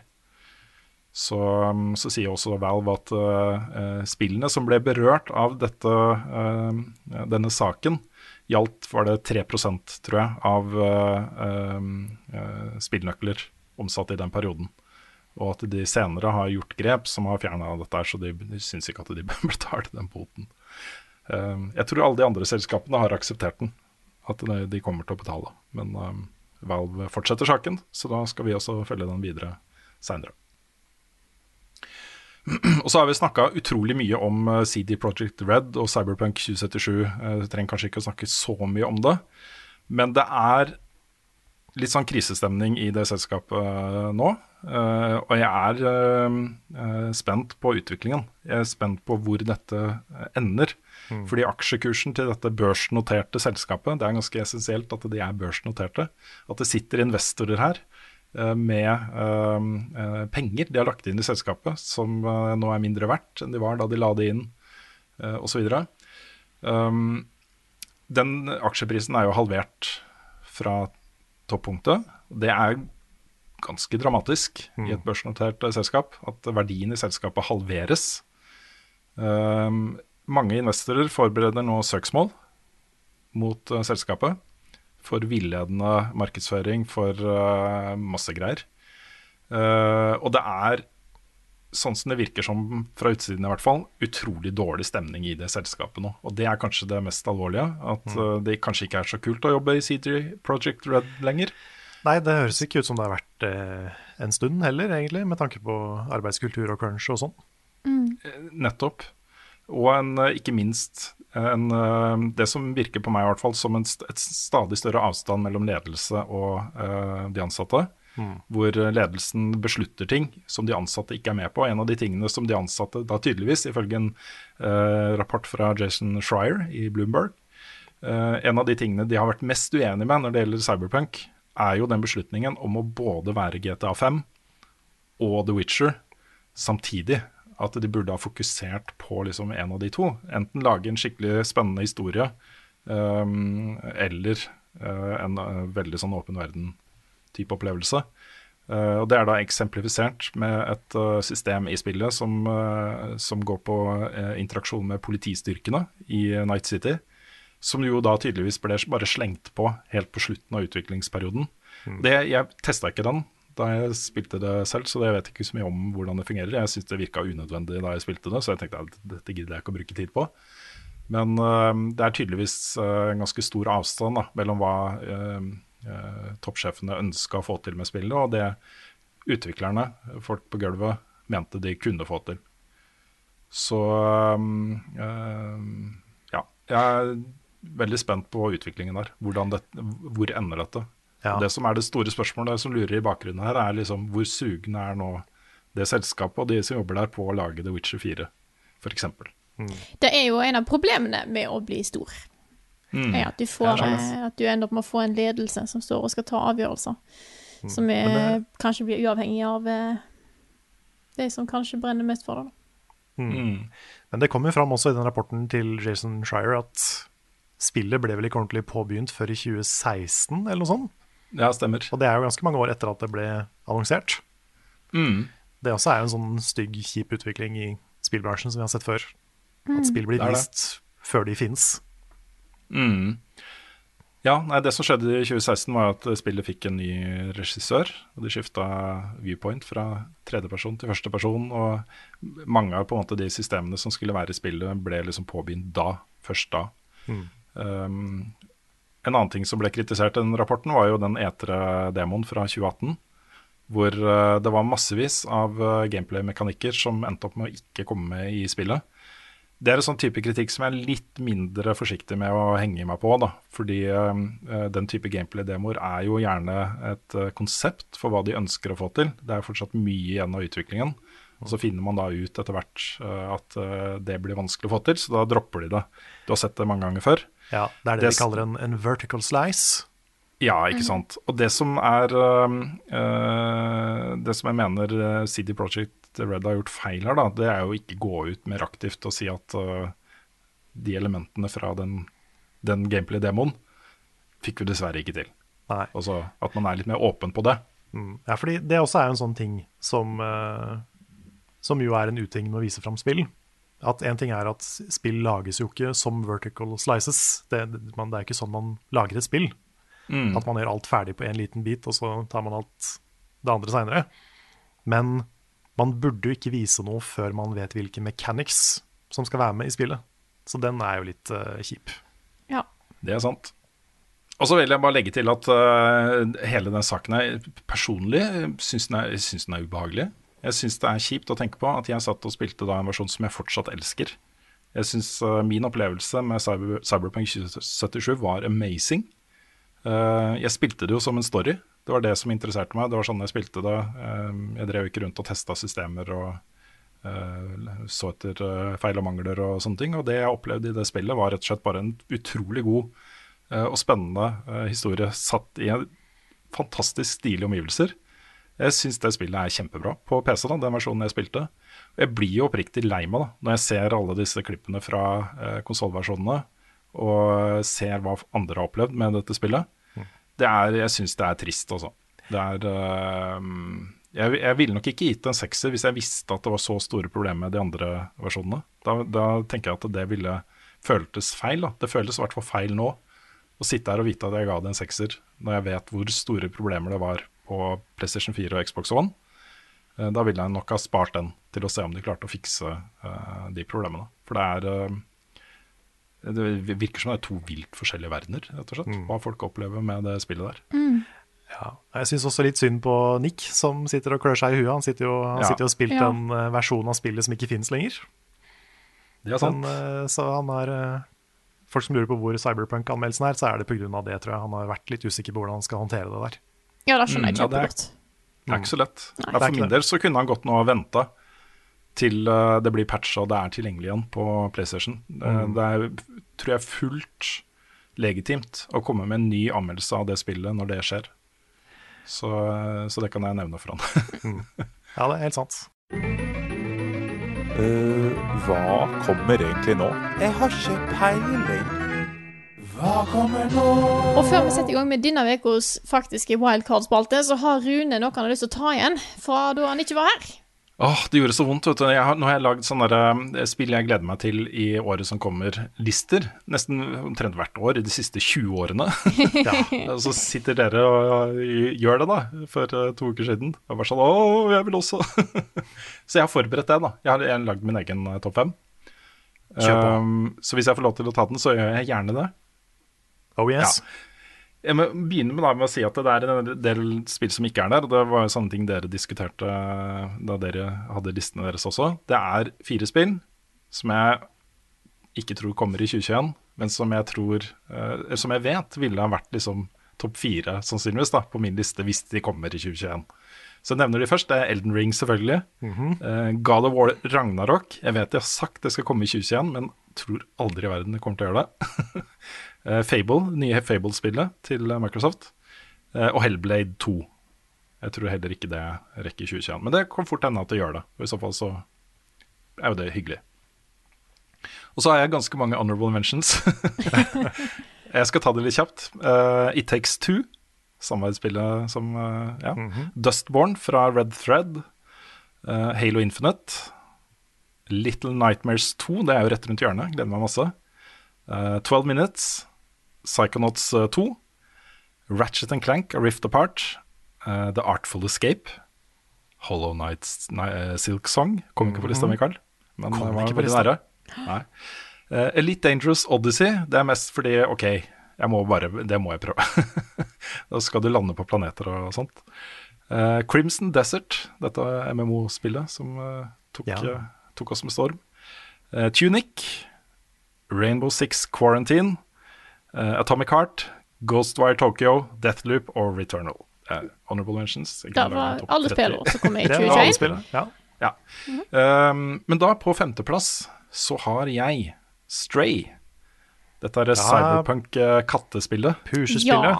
Ja. Ja. Eh, Det er- kommer da på PC, PlayStation 4 og PlayStation 5 i oktober.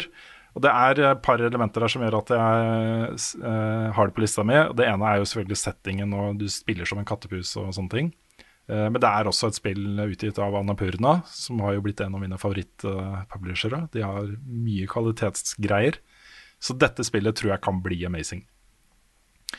Og så da på fjerdeplass har jeg Sable, som eh, jeg tror det kommer hvert øyeblikk, altså. De begynner å beefe opp litt uh, sånn hype-nivå her. Um, Det er jo et uh, spill du snakka om også, Frida, Yes. i din liste. Mm. Um, og så da på tredjeplass har jeg Horizon Forbidden West, som skal komme til høsten. Kan fort bli utsatt, det òg, altså. Kan det. Ja. Men uh, jeg har mest tro på at det Jeg har mer tro på at det kommer, enn at God of War kommer. Og så på andreplass har jeg um, Little Devil Inside. Husker dere det spillet? Ja, ja, det var det som hadde sånn morsom trailer. Ja, dette er et spill som uh, ligner litt på sånn survival-spill, Rust og sånt, men det er mer uh, historieprega, da. Um, og det her har du jo Du da spiller som en person som går ut i verden og jakter på monstre og sånt, mens du har da en som gir deg oppdrag, som sitter uh, bare hjemme og leker med uh, badeanden sin og Jeg hadde Ja. glemt å spille. Ja. Det, det ser ut som en sånn fransk tegnefilm eller noe sånt. Ja, veldig veldig kul stil på det. Også veldig bra humor. Veldig veldig morsomt. Uh, også kul setting. Dette foregår på 1800-tallet. Sånn viktoriansk, litt sånn Lovecraft-lignende setting. Uh, med masse humor og personlighet. Det, det bare ser kjempebra ut. Og det kommer til alle plattformer. I juli uh, lanseres det vel på PlayStation. Sånn timed exclusive. Og så kommer det på resten en annen gang, da. men, men det så bare helt latterlig bra ut. Og min førsteplass er fra samme pressekonferanse, tror jeg. Uh, Kina, Bridge of Spirits. Ja. Det kommer i mars på PC og PlayStation 4 og PlayStation 5. Mars blir en bra måned, ass. Ja, det blir faktisk det også. Uh, og det, jo mer jeg tenker på det spillet, jo mer gira blir jeg på faktisk spillene. Fordi dette er folk som kommer fra animasjon, som har bestemt seg for å lage spill. De lagde bl.a. en en sånn fanfilm basert på Majora's Mask. Ja, det stemmer, det er de, det. Mm, og de har tatt liksom, utgangspunkt i sin kjærlighet for Selda til å lage noe eget, ikke sant. Eh, og det, det er så right up my alley. Det ser så koselig ut. ja, de der små svarte skapningene og Ja, det, det er litt sånn, Jeg får litt sånn Ori-vibes. mm, Gjør det, altså. Utrolig vakkert, pent Ja. å se på. Dritpent. Så, men det er liksom ikke vist så mye gameplay fra det foreløpig, da. Eh, så det er litt, litt vanskelig å liksom forsvare topplassen, men det er det spillet uh, jeg gleder meg mest til av de tingene jeg tror kommer da i 2021. Så, så det var uh, Ja, det var min liste. Ja. Nice, nice. da føler jeg, kan jeg puste ut og liksom føle at ok, 2021 kan komme i gang. Jeg har lagd en toppliste for året som kommer. Uh, let's go. Ok. Nei, for Og da da er- begynner jo den egentlige wildcard-spalten. Og yes, Ja. det er andre ting vi er nødt til å snakke om for, for at 2021 kan begynne ordentlig. Hva er det, Karl? Nei, det er jo predictions, da. Vi hadde jo predictions i starten av 2020. Ja. De fleste av de var feil. Og nå har vi samla opp noen nye predictions for 2021. Og hva var det vi kom fram til? At vi tar fem predictions hver? Ja, da, den, eh, den røyk. Den røyk. Da tar vi så mange vi vil. Ja. Ja. Jeg, har, jo jeg seks damer jeg har ene. Jeg har et par. Jeg har innsett noen av de er veldig tullete. Så vi får se. Ja. Da tar vi alle mine òg, for jeg, har, jeg tror jeg har sånn ti. OK. Nice. Skal vi ta eh, en hver, og så bare kjører vi på? Det kan vi gjøre. Hvem Du kan begynne siden du har tid. Ok, ok. Da begynner jeg med Rune var litt inne på det. God of War og Elden Ring blir vist, men kommer i 2022. God prediction. Det er en, jeg føler den er ganske safe. Ja, jeg Vi får, vi føler får se begge to, men jeg tror ikke de kommer i år. Jeg har at God of War ble utsatt, så jeg kan ta vekk den fra lista mi. Ja, ok. Ja. Og så eh, skal jeg ta en, Kjør på. for jeg har en med Elden Ring. Det kommer ingenting om Elden Ring i hele 2021. Oi, Ingenting, faktisk. Ingenting. ingenting. Da får, da får en av oss poeng, Ja. OK, Rune. eh, mm, ja. Ja. Uh, ja, jeg uh, har, min min liste er egentlig ganske safe ting. Det, det er noen av dem som er ikke helt det, da. Men denne har jeg veldig tro på. GTA 6 blir annonsert, og kanskje til og med også lansert i 2021. Ja. Jeg hadde, jeg hadde nok vedda penger på, eh, på annonsert, kanskje ikke Mm. gitt ut. Nei, da må de, skynde, da må de snart annonsere det. Da må Mm. det komme nå sånn i type februar-mars, Uh, med liksom eh, Christmas eller Holiday 2021-lansering. men uh, det blir, jeg jeg er i hvert fall helt sikker på at det blir annonsert da. Det ville jeg satt penger på. All right, okay, da er neste, neste min. Ja. Halo Infinite får en metascore på 8. Ikke 80? Eller altså, altså 8 som i 8 av 10, da. Eller 80. Ja.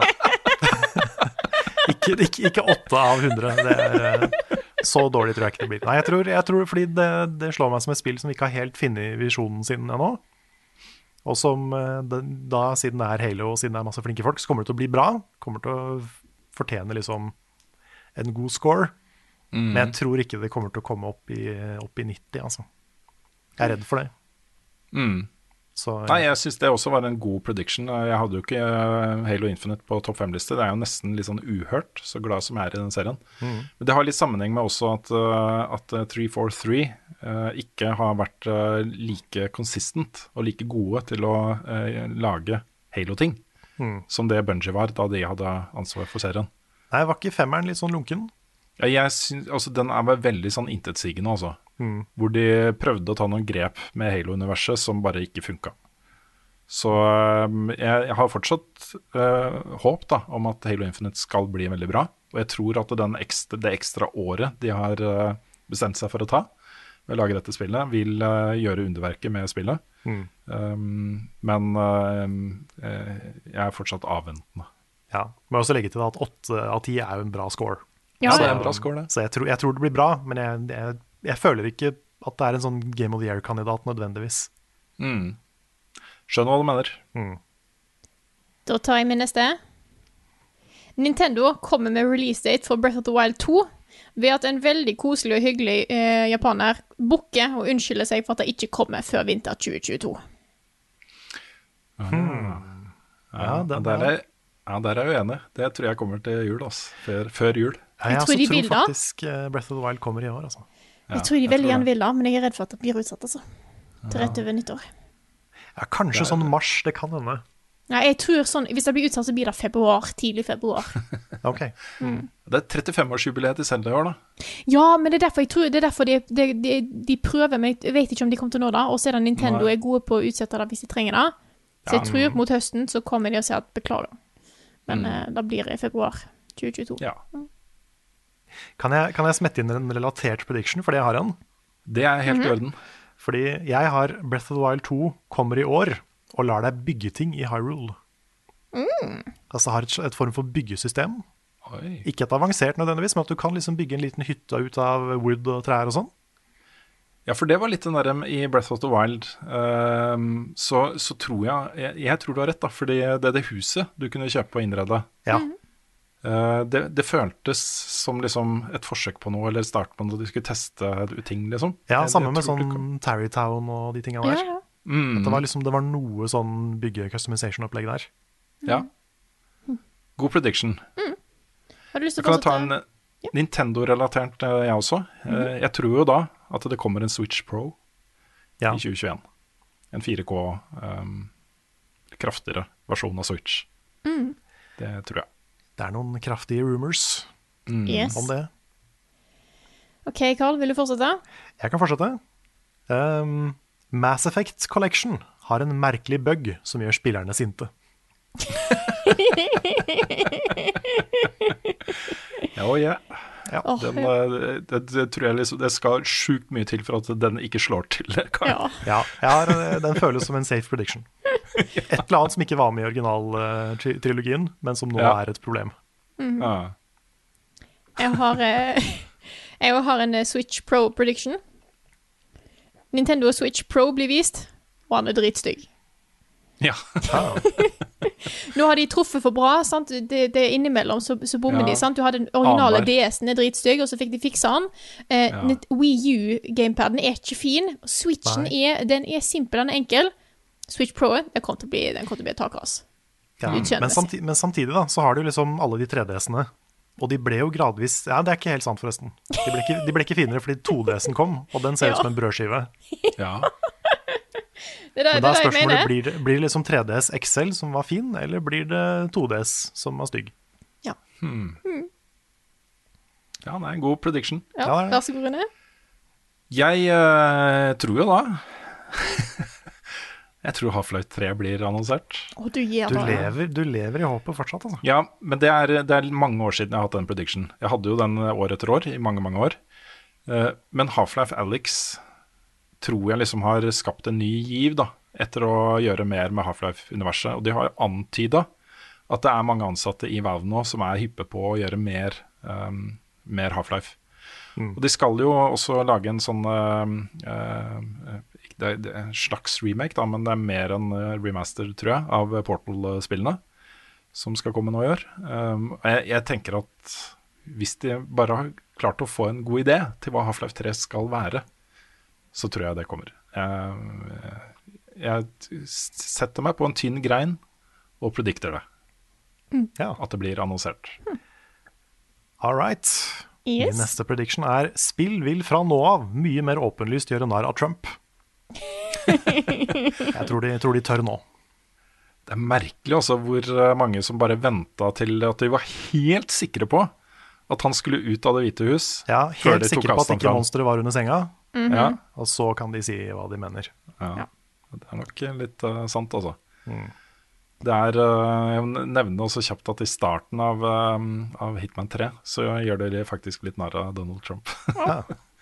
Eh, Indirekte, da. Det er da en sånn oljesjeik som holder en tale når du kommer inn i rommet, hvor han sier at det prosjektet han skal snakke om, da Han er jo en av de mindre vellykka i eh, den familien han kommer fra, men eh, etter å ha fått et, et lite a small loan fra faren sin, så kunne han satse på dette her. Small loan of a million dollars. Ja. OK, jeg fortsetter. Pikmin 4 blir vist, og det er et Warriors-spill. Oi. Bold prediction. ja. Er det Koei Tekmo som lager det òg? Ja, ja, ja. Ja.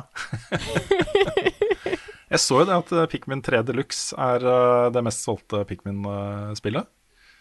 Etter det Ikke overraska. Nei, så kanskje. Men jeg føler alt som kommer på Switch, er det mest solgte. Ja, Ja. det er noe i det, altså. Det hjelper Switch når de folk faktisk har konsollen. Ja, for vi vi prata ikke så mye om det i fjor, følte jeg, men, men Switch gjorde det sykt bra i 2020.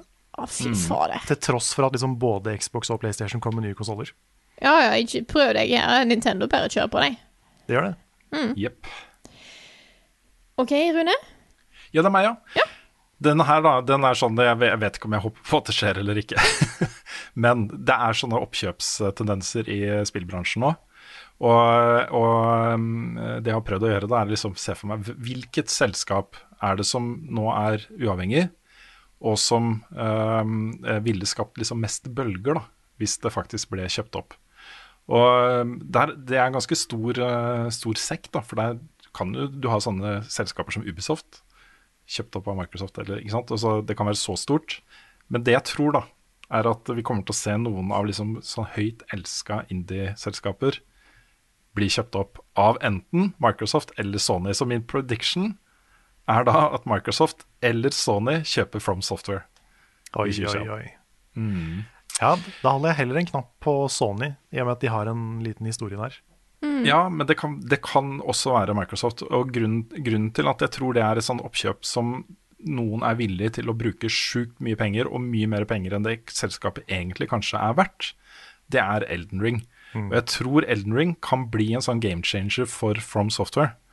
Um, det er eh, så mye med det uh, konseptet hvor du tar da utgangspunkt i noe, en, en kult som er, tross alt er ganske stor. da. Dark Souls-spillene og Bloodborne og Sekker og sånn selger jo mange millioner eksemplarer. De kommer jo til toppen av lista på hva folk gleder seg mest til på Game Awards. Absolutt. Uh, men her blander du inn da liksom potensialet til Skyrim, ikke sant? Hvor uh, vi snakker eh, mange mange titalls millioner solgte eksemplarer og sånne ting. Det kan bli en stor game changer for det selskapet og uh, hvordan det går inn i fremtiden. Så jeg tror da at det, det vet Microsoft og det vet Sony. At det å skaffe seg eksklusive rettigheter til det selskapet og de spillene de lager, det er en, eh, en eh, stor pluss. Så det er min prediction. Ok. Yes. Hollow Night Silk Song kommer ut i første halvdel av året og blir en sterk Game of the Year-kandidat. Hmm. Ganske safe prediction. Ja, jeg tror Ja, den er, den er litt safe, men, uh, men god damn, det studioet der, altså. Mm. De bare lagde et av de beste spillene ever, de. Mm. Ja, nei, det er veldig kult. OK, jeg fortsetter. Eh, skal vi se, nå så jeg på feil men Ja. Pokémon Snap blir 2021s Animal Crossing. Oh, den er, den er litt sånn spicy. Men jeg tror, jeg tror du er inne på noe. Det er jo altså Det første Pokémon Snap var jo en sånn kultklassiker, på en måte. Men nå lever vi i en verden hvor alle tar bilder av dyra sine hele tida. Så det er jo Ja. skapt for 2021, det her. Mm. Så jeg tror kanskje du er inne på noe. Ja, for sure. Jeg tror det er sånn koselig, litt spill, avslappende greier som på utgangspunkt på utsida kanskje ser kjedelig ut, men så viser det seg å fange Fange en sånn spirit, for jeg tror ikke vi er ferdig med korona helt, eh, helt da.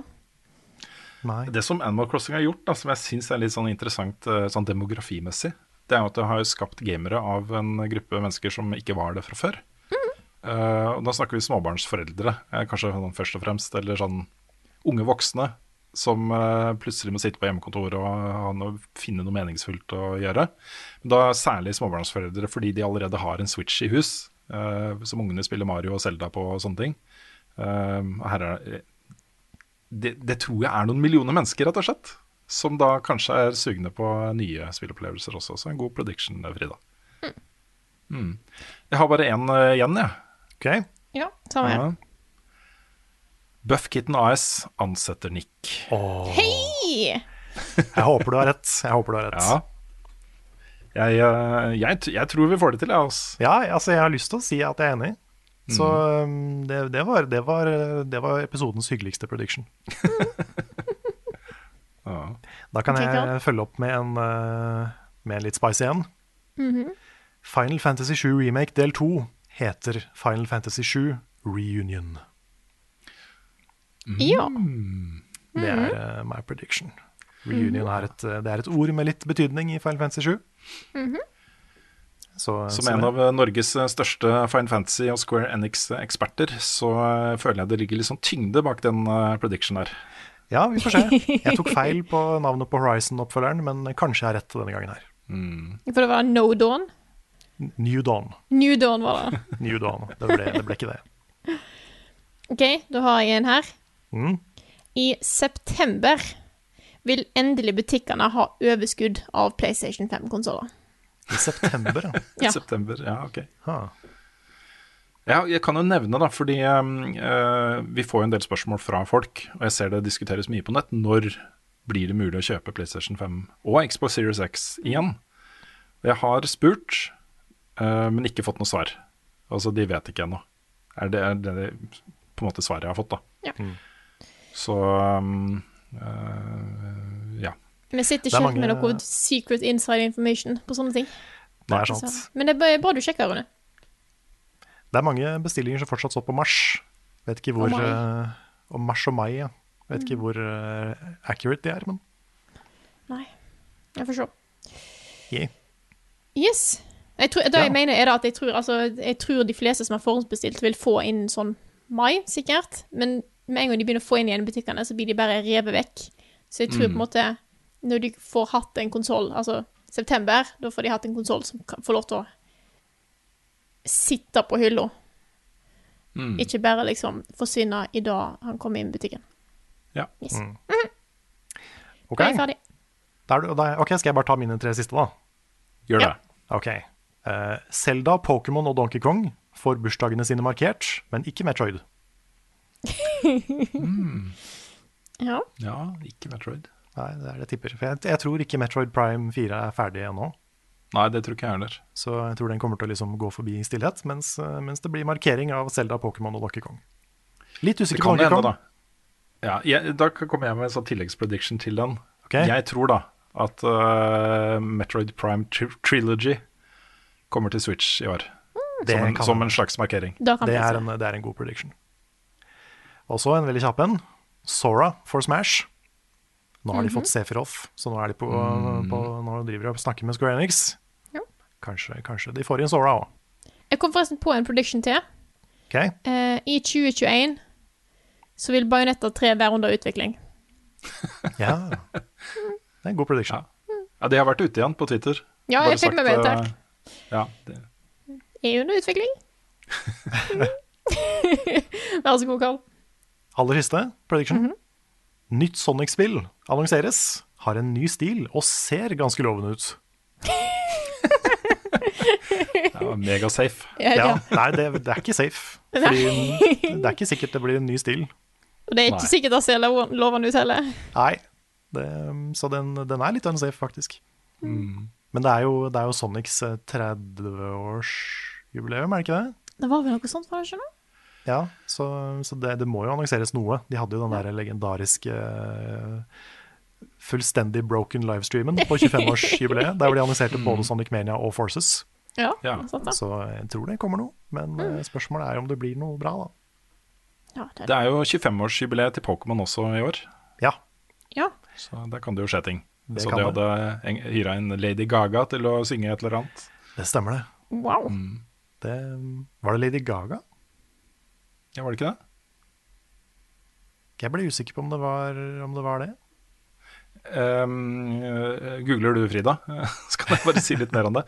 Ja. Det de har sagt, er at de skal hyre inn tolv øh, artister til å lage noe musikkrelatert til det jubileet. Riktig. Og en av de de annonsene nå, jeg mente det var Lady Gaga, men øh, det er mulig at jeg blander med Joe Biden inauguration. Uh, Ja, for jeg, bare, jeg husker at det var et navn, jeg bare trodde ikke det var Lady Gaga. Eh, jeg klarer ikke å finne noe Men det er så mye ting når jeg søker Lady Gaga og Pokémon, så det, det er vanskelig å sortere litt akkurat nå. Jeg skal sjekke. Jeg skal sjekke. Mhm. Jeg Jeg øh, sitter og sjekker litt nå, jeg også. fikk det opp på Twitter her om dagen, så skal vi se. Og nå sjekkes det intenst her. Jeg ser det Ja, er, bra er er noe på oppløpssida jeg her. kan, Det jeg kan jo si i mellomtida at det går rykter om uh, Diamond the Pearl remakes. Ja. Kan jo hende det blir noe av. Det går også også -hmm. rykter om, uh, om et nytt eh, Pokémon Let's Go.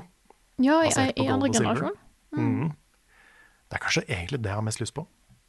Ja, det da. Hvis ikke dere finner noe, så tror jeg kanskje vi må gå til neste spalte her. Ja, vi kan, øh, jeg kan komme med den i øh, starten av neste spalte. Kjør på.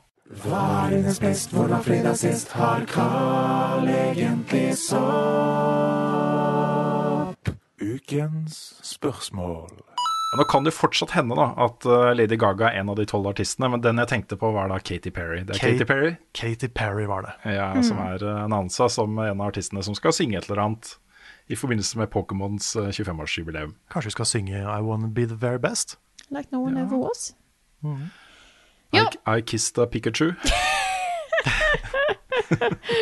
Eller noe. Eller noe. Eller I. I Took a Pikachu. Ja. Ja, jeg eh, tror vi fortsetter med det vi skal i den spalten her, som er å svare på spørsmål. Vi begynner med et fra Vegard Gåre. Han skriver Hei, jeg har et spørsmål i forhold til Patreon-mål. Jeg syns det er gledelig at inntekten på Patreon har steget den siste tida, og dere nevner jo innimellom om målet om 15 000 for å ansette Nick på heltid. Samtidig så har det jo vært en liten tendens at etter et innslag for Patreon, så har det steget en god del, for så å stabilisere seg litt lavere etter hvert. Dersom dere når 15 000, vil dere da ansette Nick med en gang, eller se om dere kommer til å ligge stabilt på den summen først? Det er jo et godt spørsmål. Og så er det, må det ses litt i sammenheng av øvrige inntekter i selskap og sånne ting, for det skjer jo liksom eh, andre ting enn Patron eh, med oss, og 2020 var et veldig bra år for oss. Det er det første året på eh, en del år hvor vi ender opp med å måtte betale skatt i selskapet. så jeg er litt spent på hvor mye det blir. For det, eh, forrige gang vi gjorde det, så var det liksom plutselig skulle vi betale 70 000 kroner til staten. Ja, altså, Så- Det er vel ikke første gang vi betaler skatt, men det er første gang vi betaler sånn overskuddsskatt. Ja, vi betaler skatt av lønninger, selvfølgelig, Ja. hele tiden, Mm, mm, hver, mm. hver måned. Men øh, vi er jo organisert med et AS, og det betyr at det vi betaler skatt av, er netto overskudd i selskapet ved årsslutt. Mm. Så øhm, øh, da har det jo da vært øh, netto underskudd øh, de siste par årene. Ja. Um, men ikke så- da i 2020. Så Leverup er ikke tax evaders. Nei. Nei, vi betaler masse i skatt. Ja, i, mo- I motsetning til Yoshi så har vi betalt skatten vår. Ja. Ja. Mm. Så, så det må jo ses litt i sammenheng av det. Hvis vi klarer å få en jevn strøm av andre inntekter også, vi ser at det i kombinasjon med Patron-inntektene gjør at vi kan øhm, tilby Nick noe fast. Altså, det er det som det er litt avhengig av. Mm. Vi må kunne se at hvis vi lager en kontrakt med Nick, som er en fast sum i måneden, så må vi ha perspektiv på det. Vi må kunne se at det eh, også er mulig å gjennomføre om et år.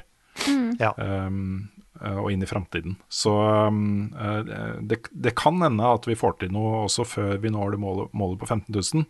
Men det målet er jo sånn at hvis, hvis vi ikke har de inntektene andre steder nok da, til å kunne ansette Nick, så må vi dit, eh, og kanskje ikke aller første måneden, um, før det blir fast, liksom.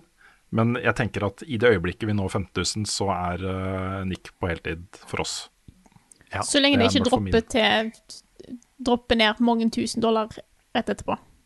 Ja, men kanskje det går an å gjøre ikke sant, en eh, oppdragsavtale med han uh, i noen måneder.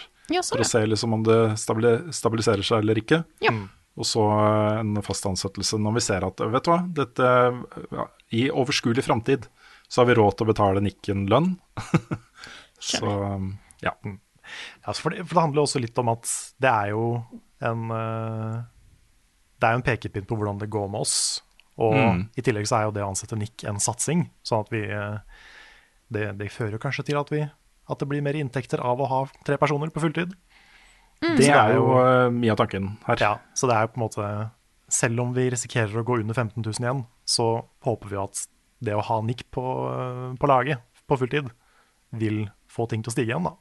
Mm. Absolutt. Men jeg har litt lyst til å ha en kontrakt klar til signering Ja. i det øyeblikket vi når 15 000, som vi kan Live- Nick. Livestream-signering. Ikke sant? Kanskje til og med det skjer neste uke? Ja. Det hadde vært kult. Det, det, altså, vi, vi er så spent på den streamen. Vi, eh, Ja.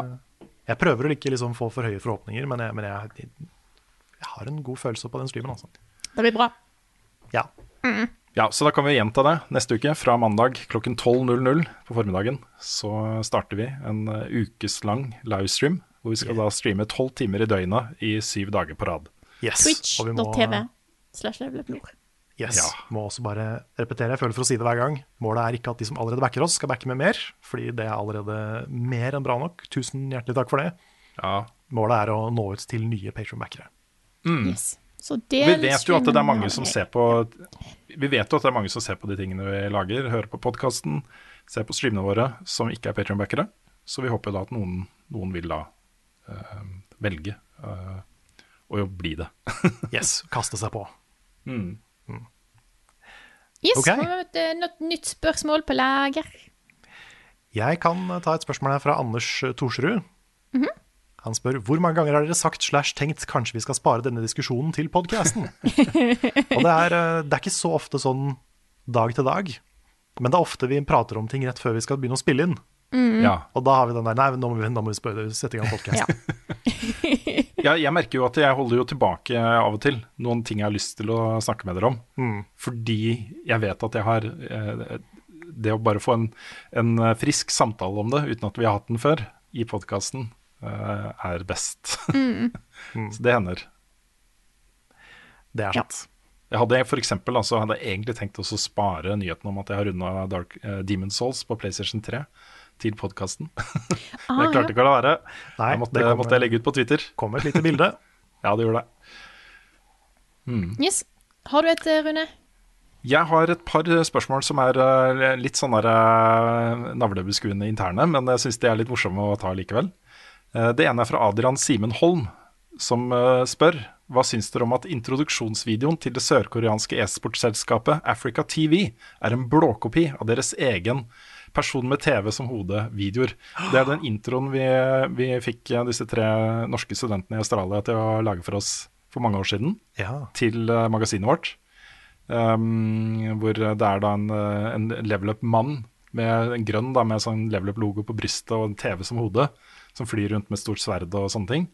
Så jeg tok da en kikk på den videoen han linker til.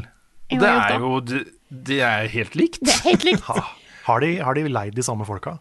Ja, det var det jeg tenkte. Jeg har ikke lyst til å starte noe søksmål før jeg har sjekka det, for det kan jo hende. det kan jo hende, fordi de jobber jo med 3D-animasjon fortsatt, eh, i hvert fall flere av dem. Um, så det kan hende. Men det kan også hende at de bare har sett den, fordi de har liksom frame for frame da, Uh, kopiert. Uh, både liksom uh, vinkler og hvordan han duden kommer inn i bildet, og han har TV på hodet og Han alle de springer rundt og slåss mot ting og Oi, Ja. det her må jeg se, hvis Ja, det er så likt. Ja, ja. Og så slo det meg også en liten tanke. Hva om dette er basert på en annen video som de vi betalte penger for, har kopiert? Var det òg? Nei, nei, vi vi- er sentrum i universet. Ja, ja, Ja, ja. ja. We have to ja go og så var det jo Kanskje det var er masse sånn, ulikhet. sånn Janet Jackson, uh, Sonic-ting. Ja, kanskje det. Situasjon. Så var det masse ulikheter og så omgivelsene og sånt var jo noe helt annet. Men det Ja. var liksom så spesifikt som at han hoppa på sånne runde plattformer. Som han også gjorde i vår video. Det, er, det var litt rart altså, å se det. Så um, Det andre spørsmålet er fra Joakim Karlsen. Og det er sånne ting som jeg har lurt på Skal vi kommentere det. Jeg har hatt lyst til å gjøre det mange ganger før. Men spørsmålet er da Har lagt merke til at det alltid er én nedstemme på videoene som er satt før jeg går inn på videoer, selv bare minutter etter upload. Er dette default fra YouTube sin side, eller har dere fått dere en nemesis eller stalker som spawncamper dere? Og jeg tror jo det, da. Jeg tror vi har det et er par-tre stykker. Ja, Ja, to-tre stykken. Ja. Ja, det er ikke alle som er like consistent, men det er, eh, det er som regel i hvert fall én dislike. Ja. Og det, jeg mistenker at dette er en person som fortsatt er sinna på oss for at vi var negative til Gamergate i 2014. ja, det tror jeg også. Det tror jeg er en, en, en god uh, analyse. Ja, Men det, sånn det er sett- min, uh, min guess.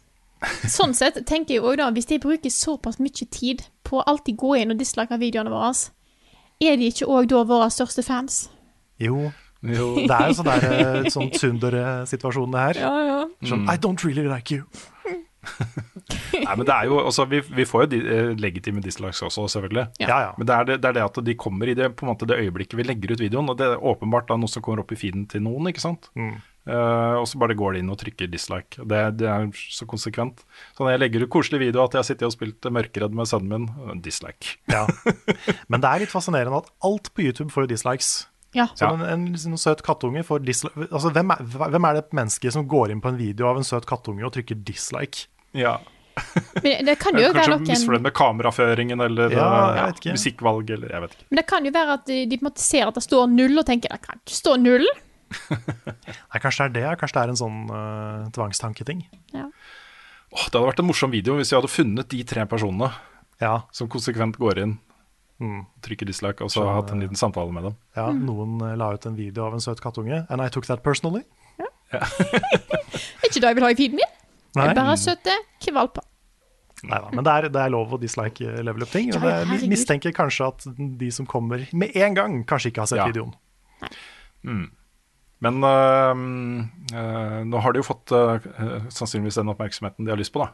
Ja. De vil jo gjerne vite at vi At de vil få med oss de nedtomlene. Mm.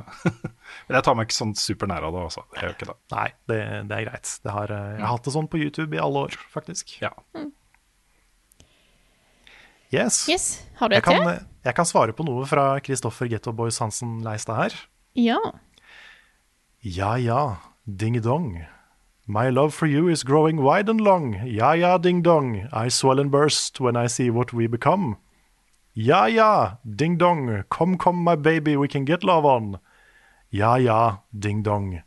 When I see you, I feel like ding-ding-dong. Den- Hvorfor sang du det ikke, Carl?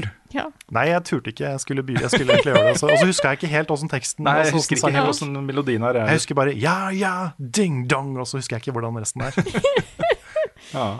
Det er fanservice, Carl. Ja, det var, jeg tenkte han spurte om vi kunne, om vi kunne si, si eller synge ja ja ding dong. Ja, ok, greit. Så lenge han sa si eller synge, så Ja. er det innafor. ja det. Det. Det er da eh, fra, fra den flotte Eurovision-filmen med Will Ferrell. Jeg har et øh, spørsmål til, jeg også. Ja, ja. Okay. litt sånn uh, temarelevant for episoden. Det er fra Silacoid. Dere kan få Elden Ring nå, men av metafysiske grunner vil de allerede eksisterende Soulsborne-spillene slutte å eksistere for dere. Parentes, men dere får beholde trof trofeer og sånt. det er viktig, Tar dere dealen? Tar dere dealen? Nei. Nei. Nei. Skal ikke, kan ikke miste Bloodborne. Kan ikke miste Souls. Nei, men Poenget er at jeg, jeg, jeg skrev på Twitter i går at eh, jeg tenker på Elden Ring daglig, og det gjør jeg. Mm. Og så Flere ganger om dagen så plutselig så kommer det en eller annen tanke. Jeg se- Og så har jeg sånne bilder i hodet av at jeg rir på en hest over en åskam og ser at her kommer, å, det slottet ligner på Anolondo. Og så Jeg får sånne bilder i hodet da, eh, hele tiden. Og det, Fume Sword! De, de har Fume Sword i Ultra Great Sword de spiller, og sånne ting. ikke sant? Våkne midt på natta, så fume sword! Ja, men det er litt, det er litt spesielt også, men, men det er en, har blitt en del av de tingene jeg går rundt og dagdrømmer om, da, dette spillet her. Jeg vet ikke helt om dere har et sunt forhold til Elden Ring. Nei, jeg, Jeg, jeg er ikke så si. ekstrem, men jeg har litt av det samme. Mm. Og, men jeg har jo merka at folk på, på subredditen til Elden Ring har jo laga sitt eget spill basically nå. Ja, det er kjempegøy. De har jo tegna bosser, og de har funnet opp et helt law-univers. Ja. Det er sånn at jeg nesten begynner å lure på om de blir skuffa når de finner ut at Elden Ring ikke er det. Vi kommer jo til å bli hva? Alle de som er på den subredditen, ja, jeg vet ikke om alle, da, for det er 40 000 eller noe sånt, som, er, som er medlemmer der. Men de har et veldig sånn ironisk distanse til det de gjør, da. De, de, de, de eh, gjør alt, alt dette her fordi det ikke kommer noen annen informasjon. Så Mm. var det på et eller annet punkt så bestemte de seg for å bare komme med informasjonen selv. Ikke sant? Så det er masse kule memes, og det er uh, veldig god stemning da, på den Mm. subredditen, uh, syns jeg, da. Men, uh, men poenget mitt er jo at eh, ja, jeg gleder meg mer enn det som egentlig er sunt. Men det spillet må jo bare få lov til å bli ferdig. Jeg blir ikke lei meg hvis ikke det kommer før i 2023 eller 4 eller 5 eller også, det, Bare det er bra når det kommer. Mm. Men spørsmålet er, er jo fordi FromSoft lager jo flere spill på en gang. Mm. Kommer de til å annonsere noe nytt før du slipper Elden Ring? Ja, det kan godt tenkes. For det var en Eh. prediction jeg vurderte å sette opp, nemlig. Ja, Jostein i Radcrew hadde jo en, eh, også på Twitter en melding hva var det om Jo, eh, at eh, det spillet kom jo til å bli utsatt og utsatt og utsatt pga. George R. R. Martin, som aldri blir ferdig. Mm. Og min tanke, den tanken som slo meg da, var at hvis det er tilfellet, hvis de sitter der og spillet er basically ferdig, men de mangler litt bakgrunnslaw fra George R. R. Martin De sitter bare og venter på det, men da får de jo tid da, til å lage Dark Souls 4 eller Bloodborne 2 eller noe helt annet, liksom.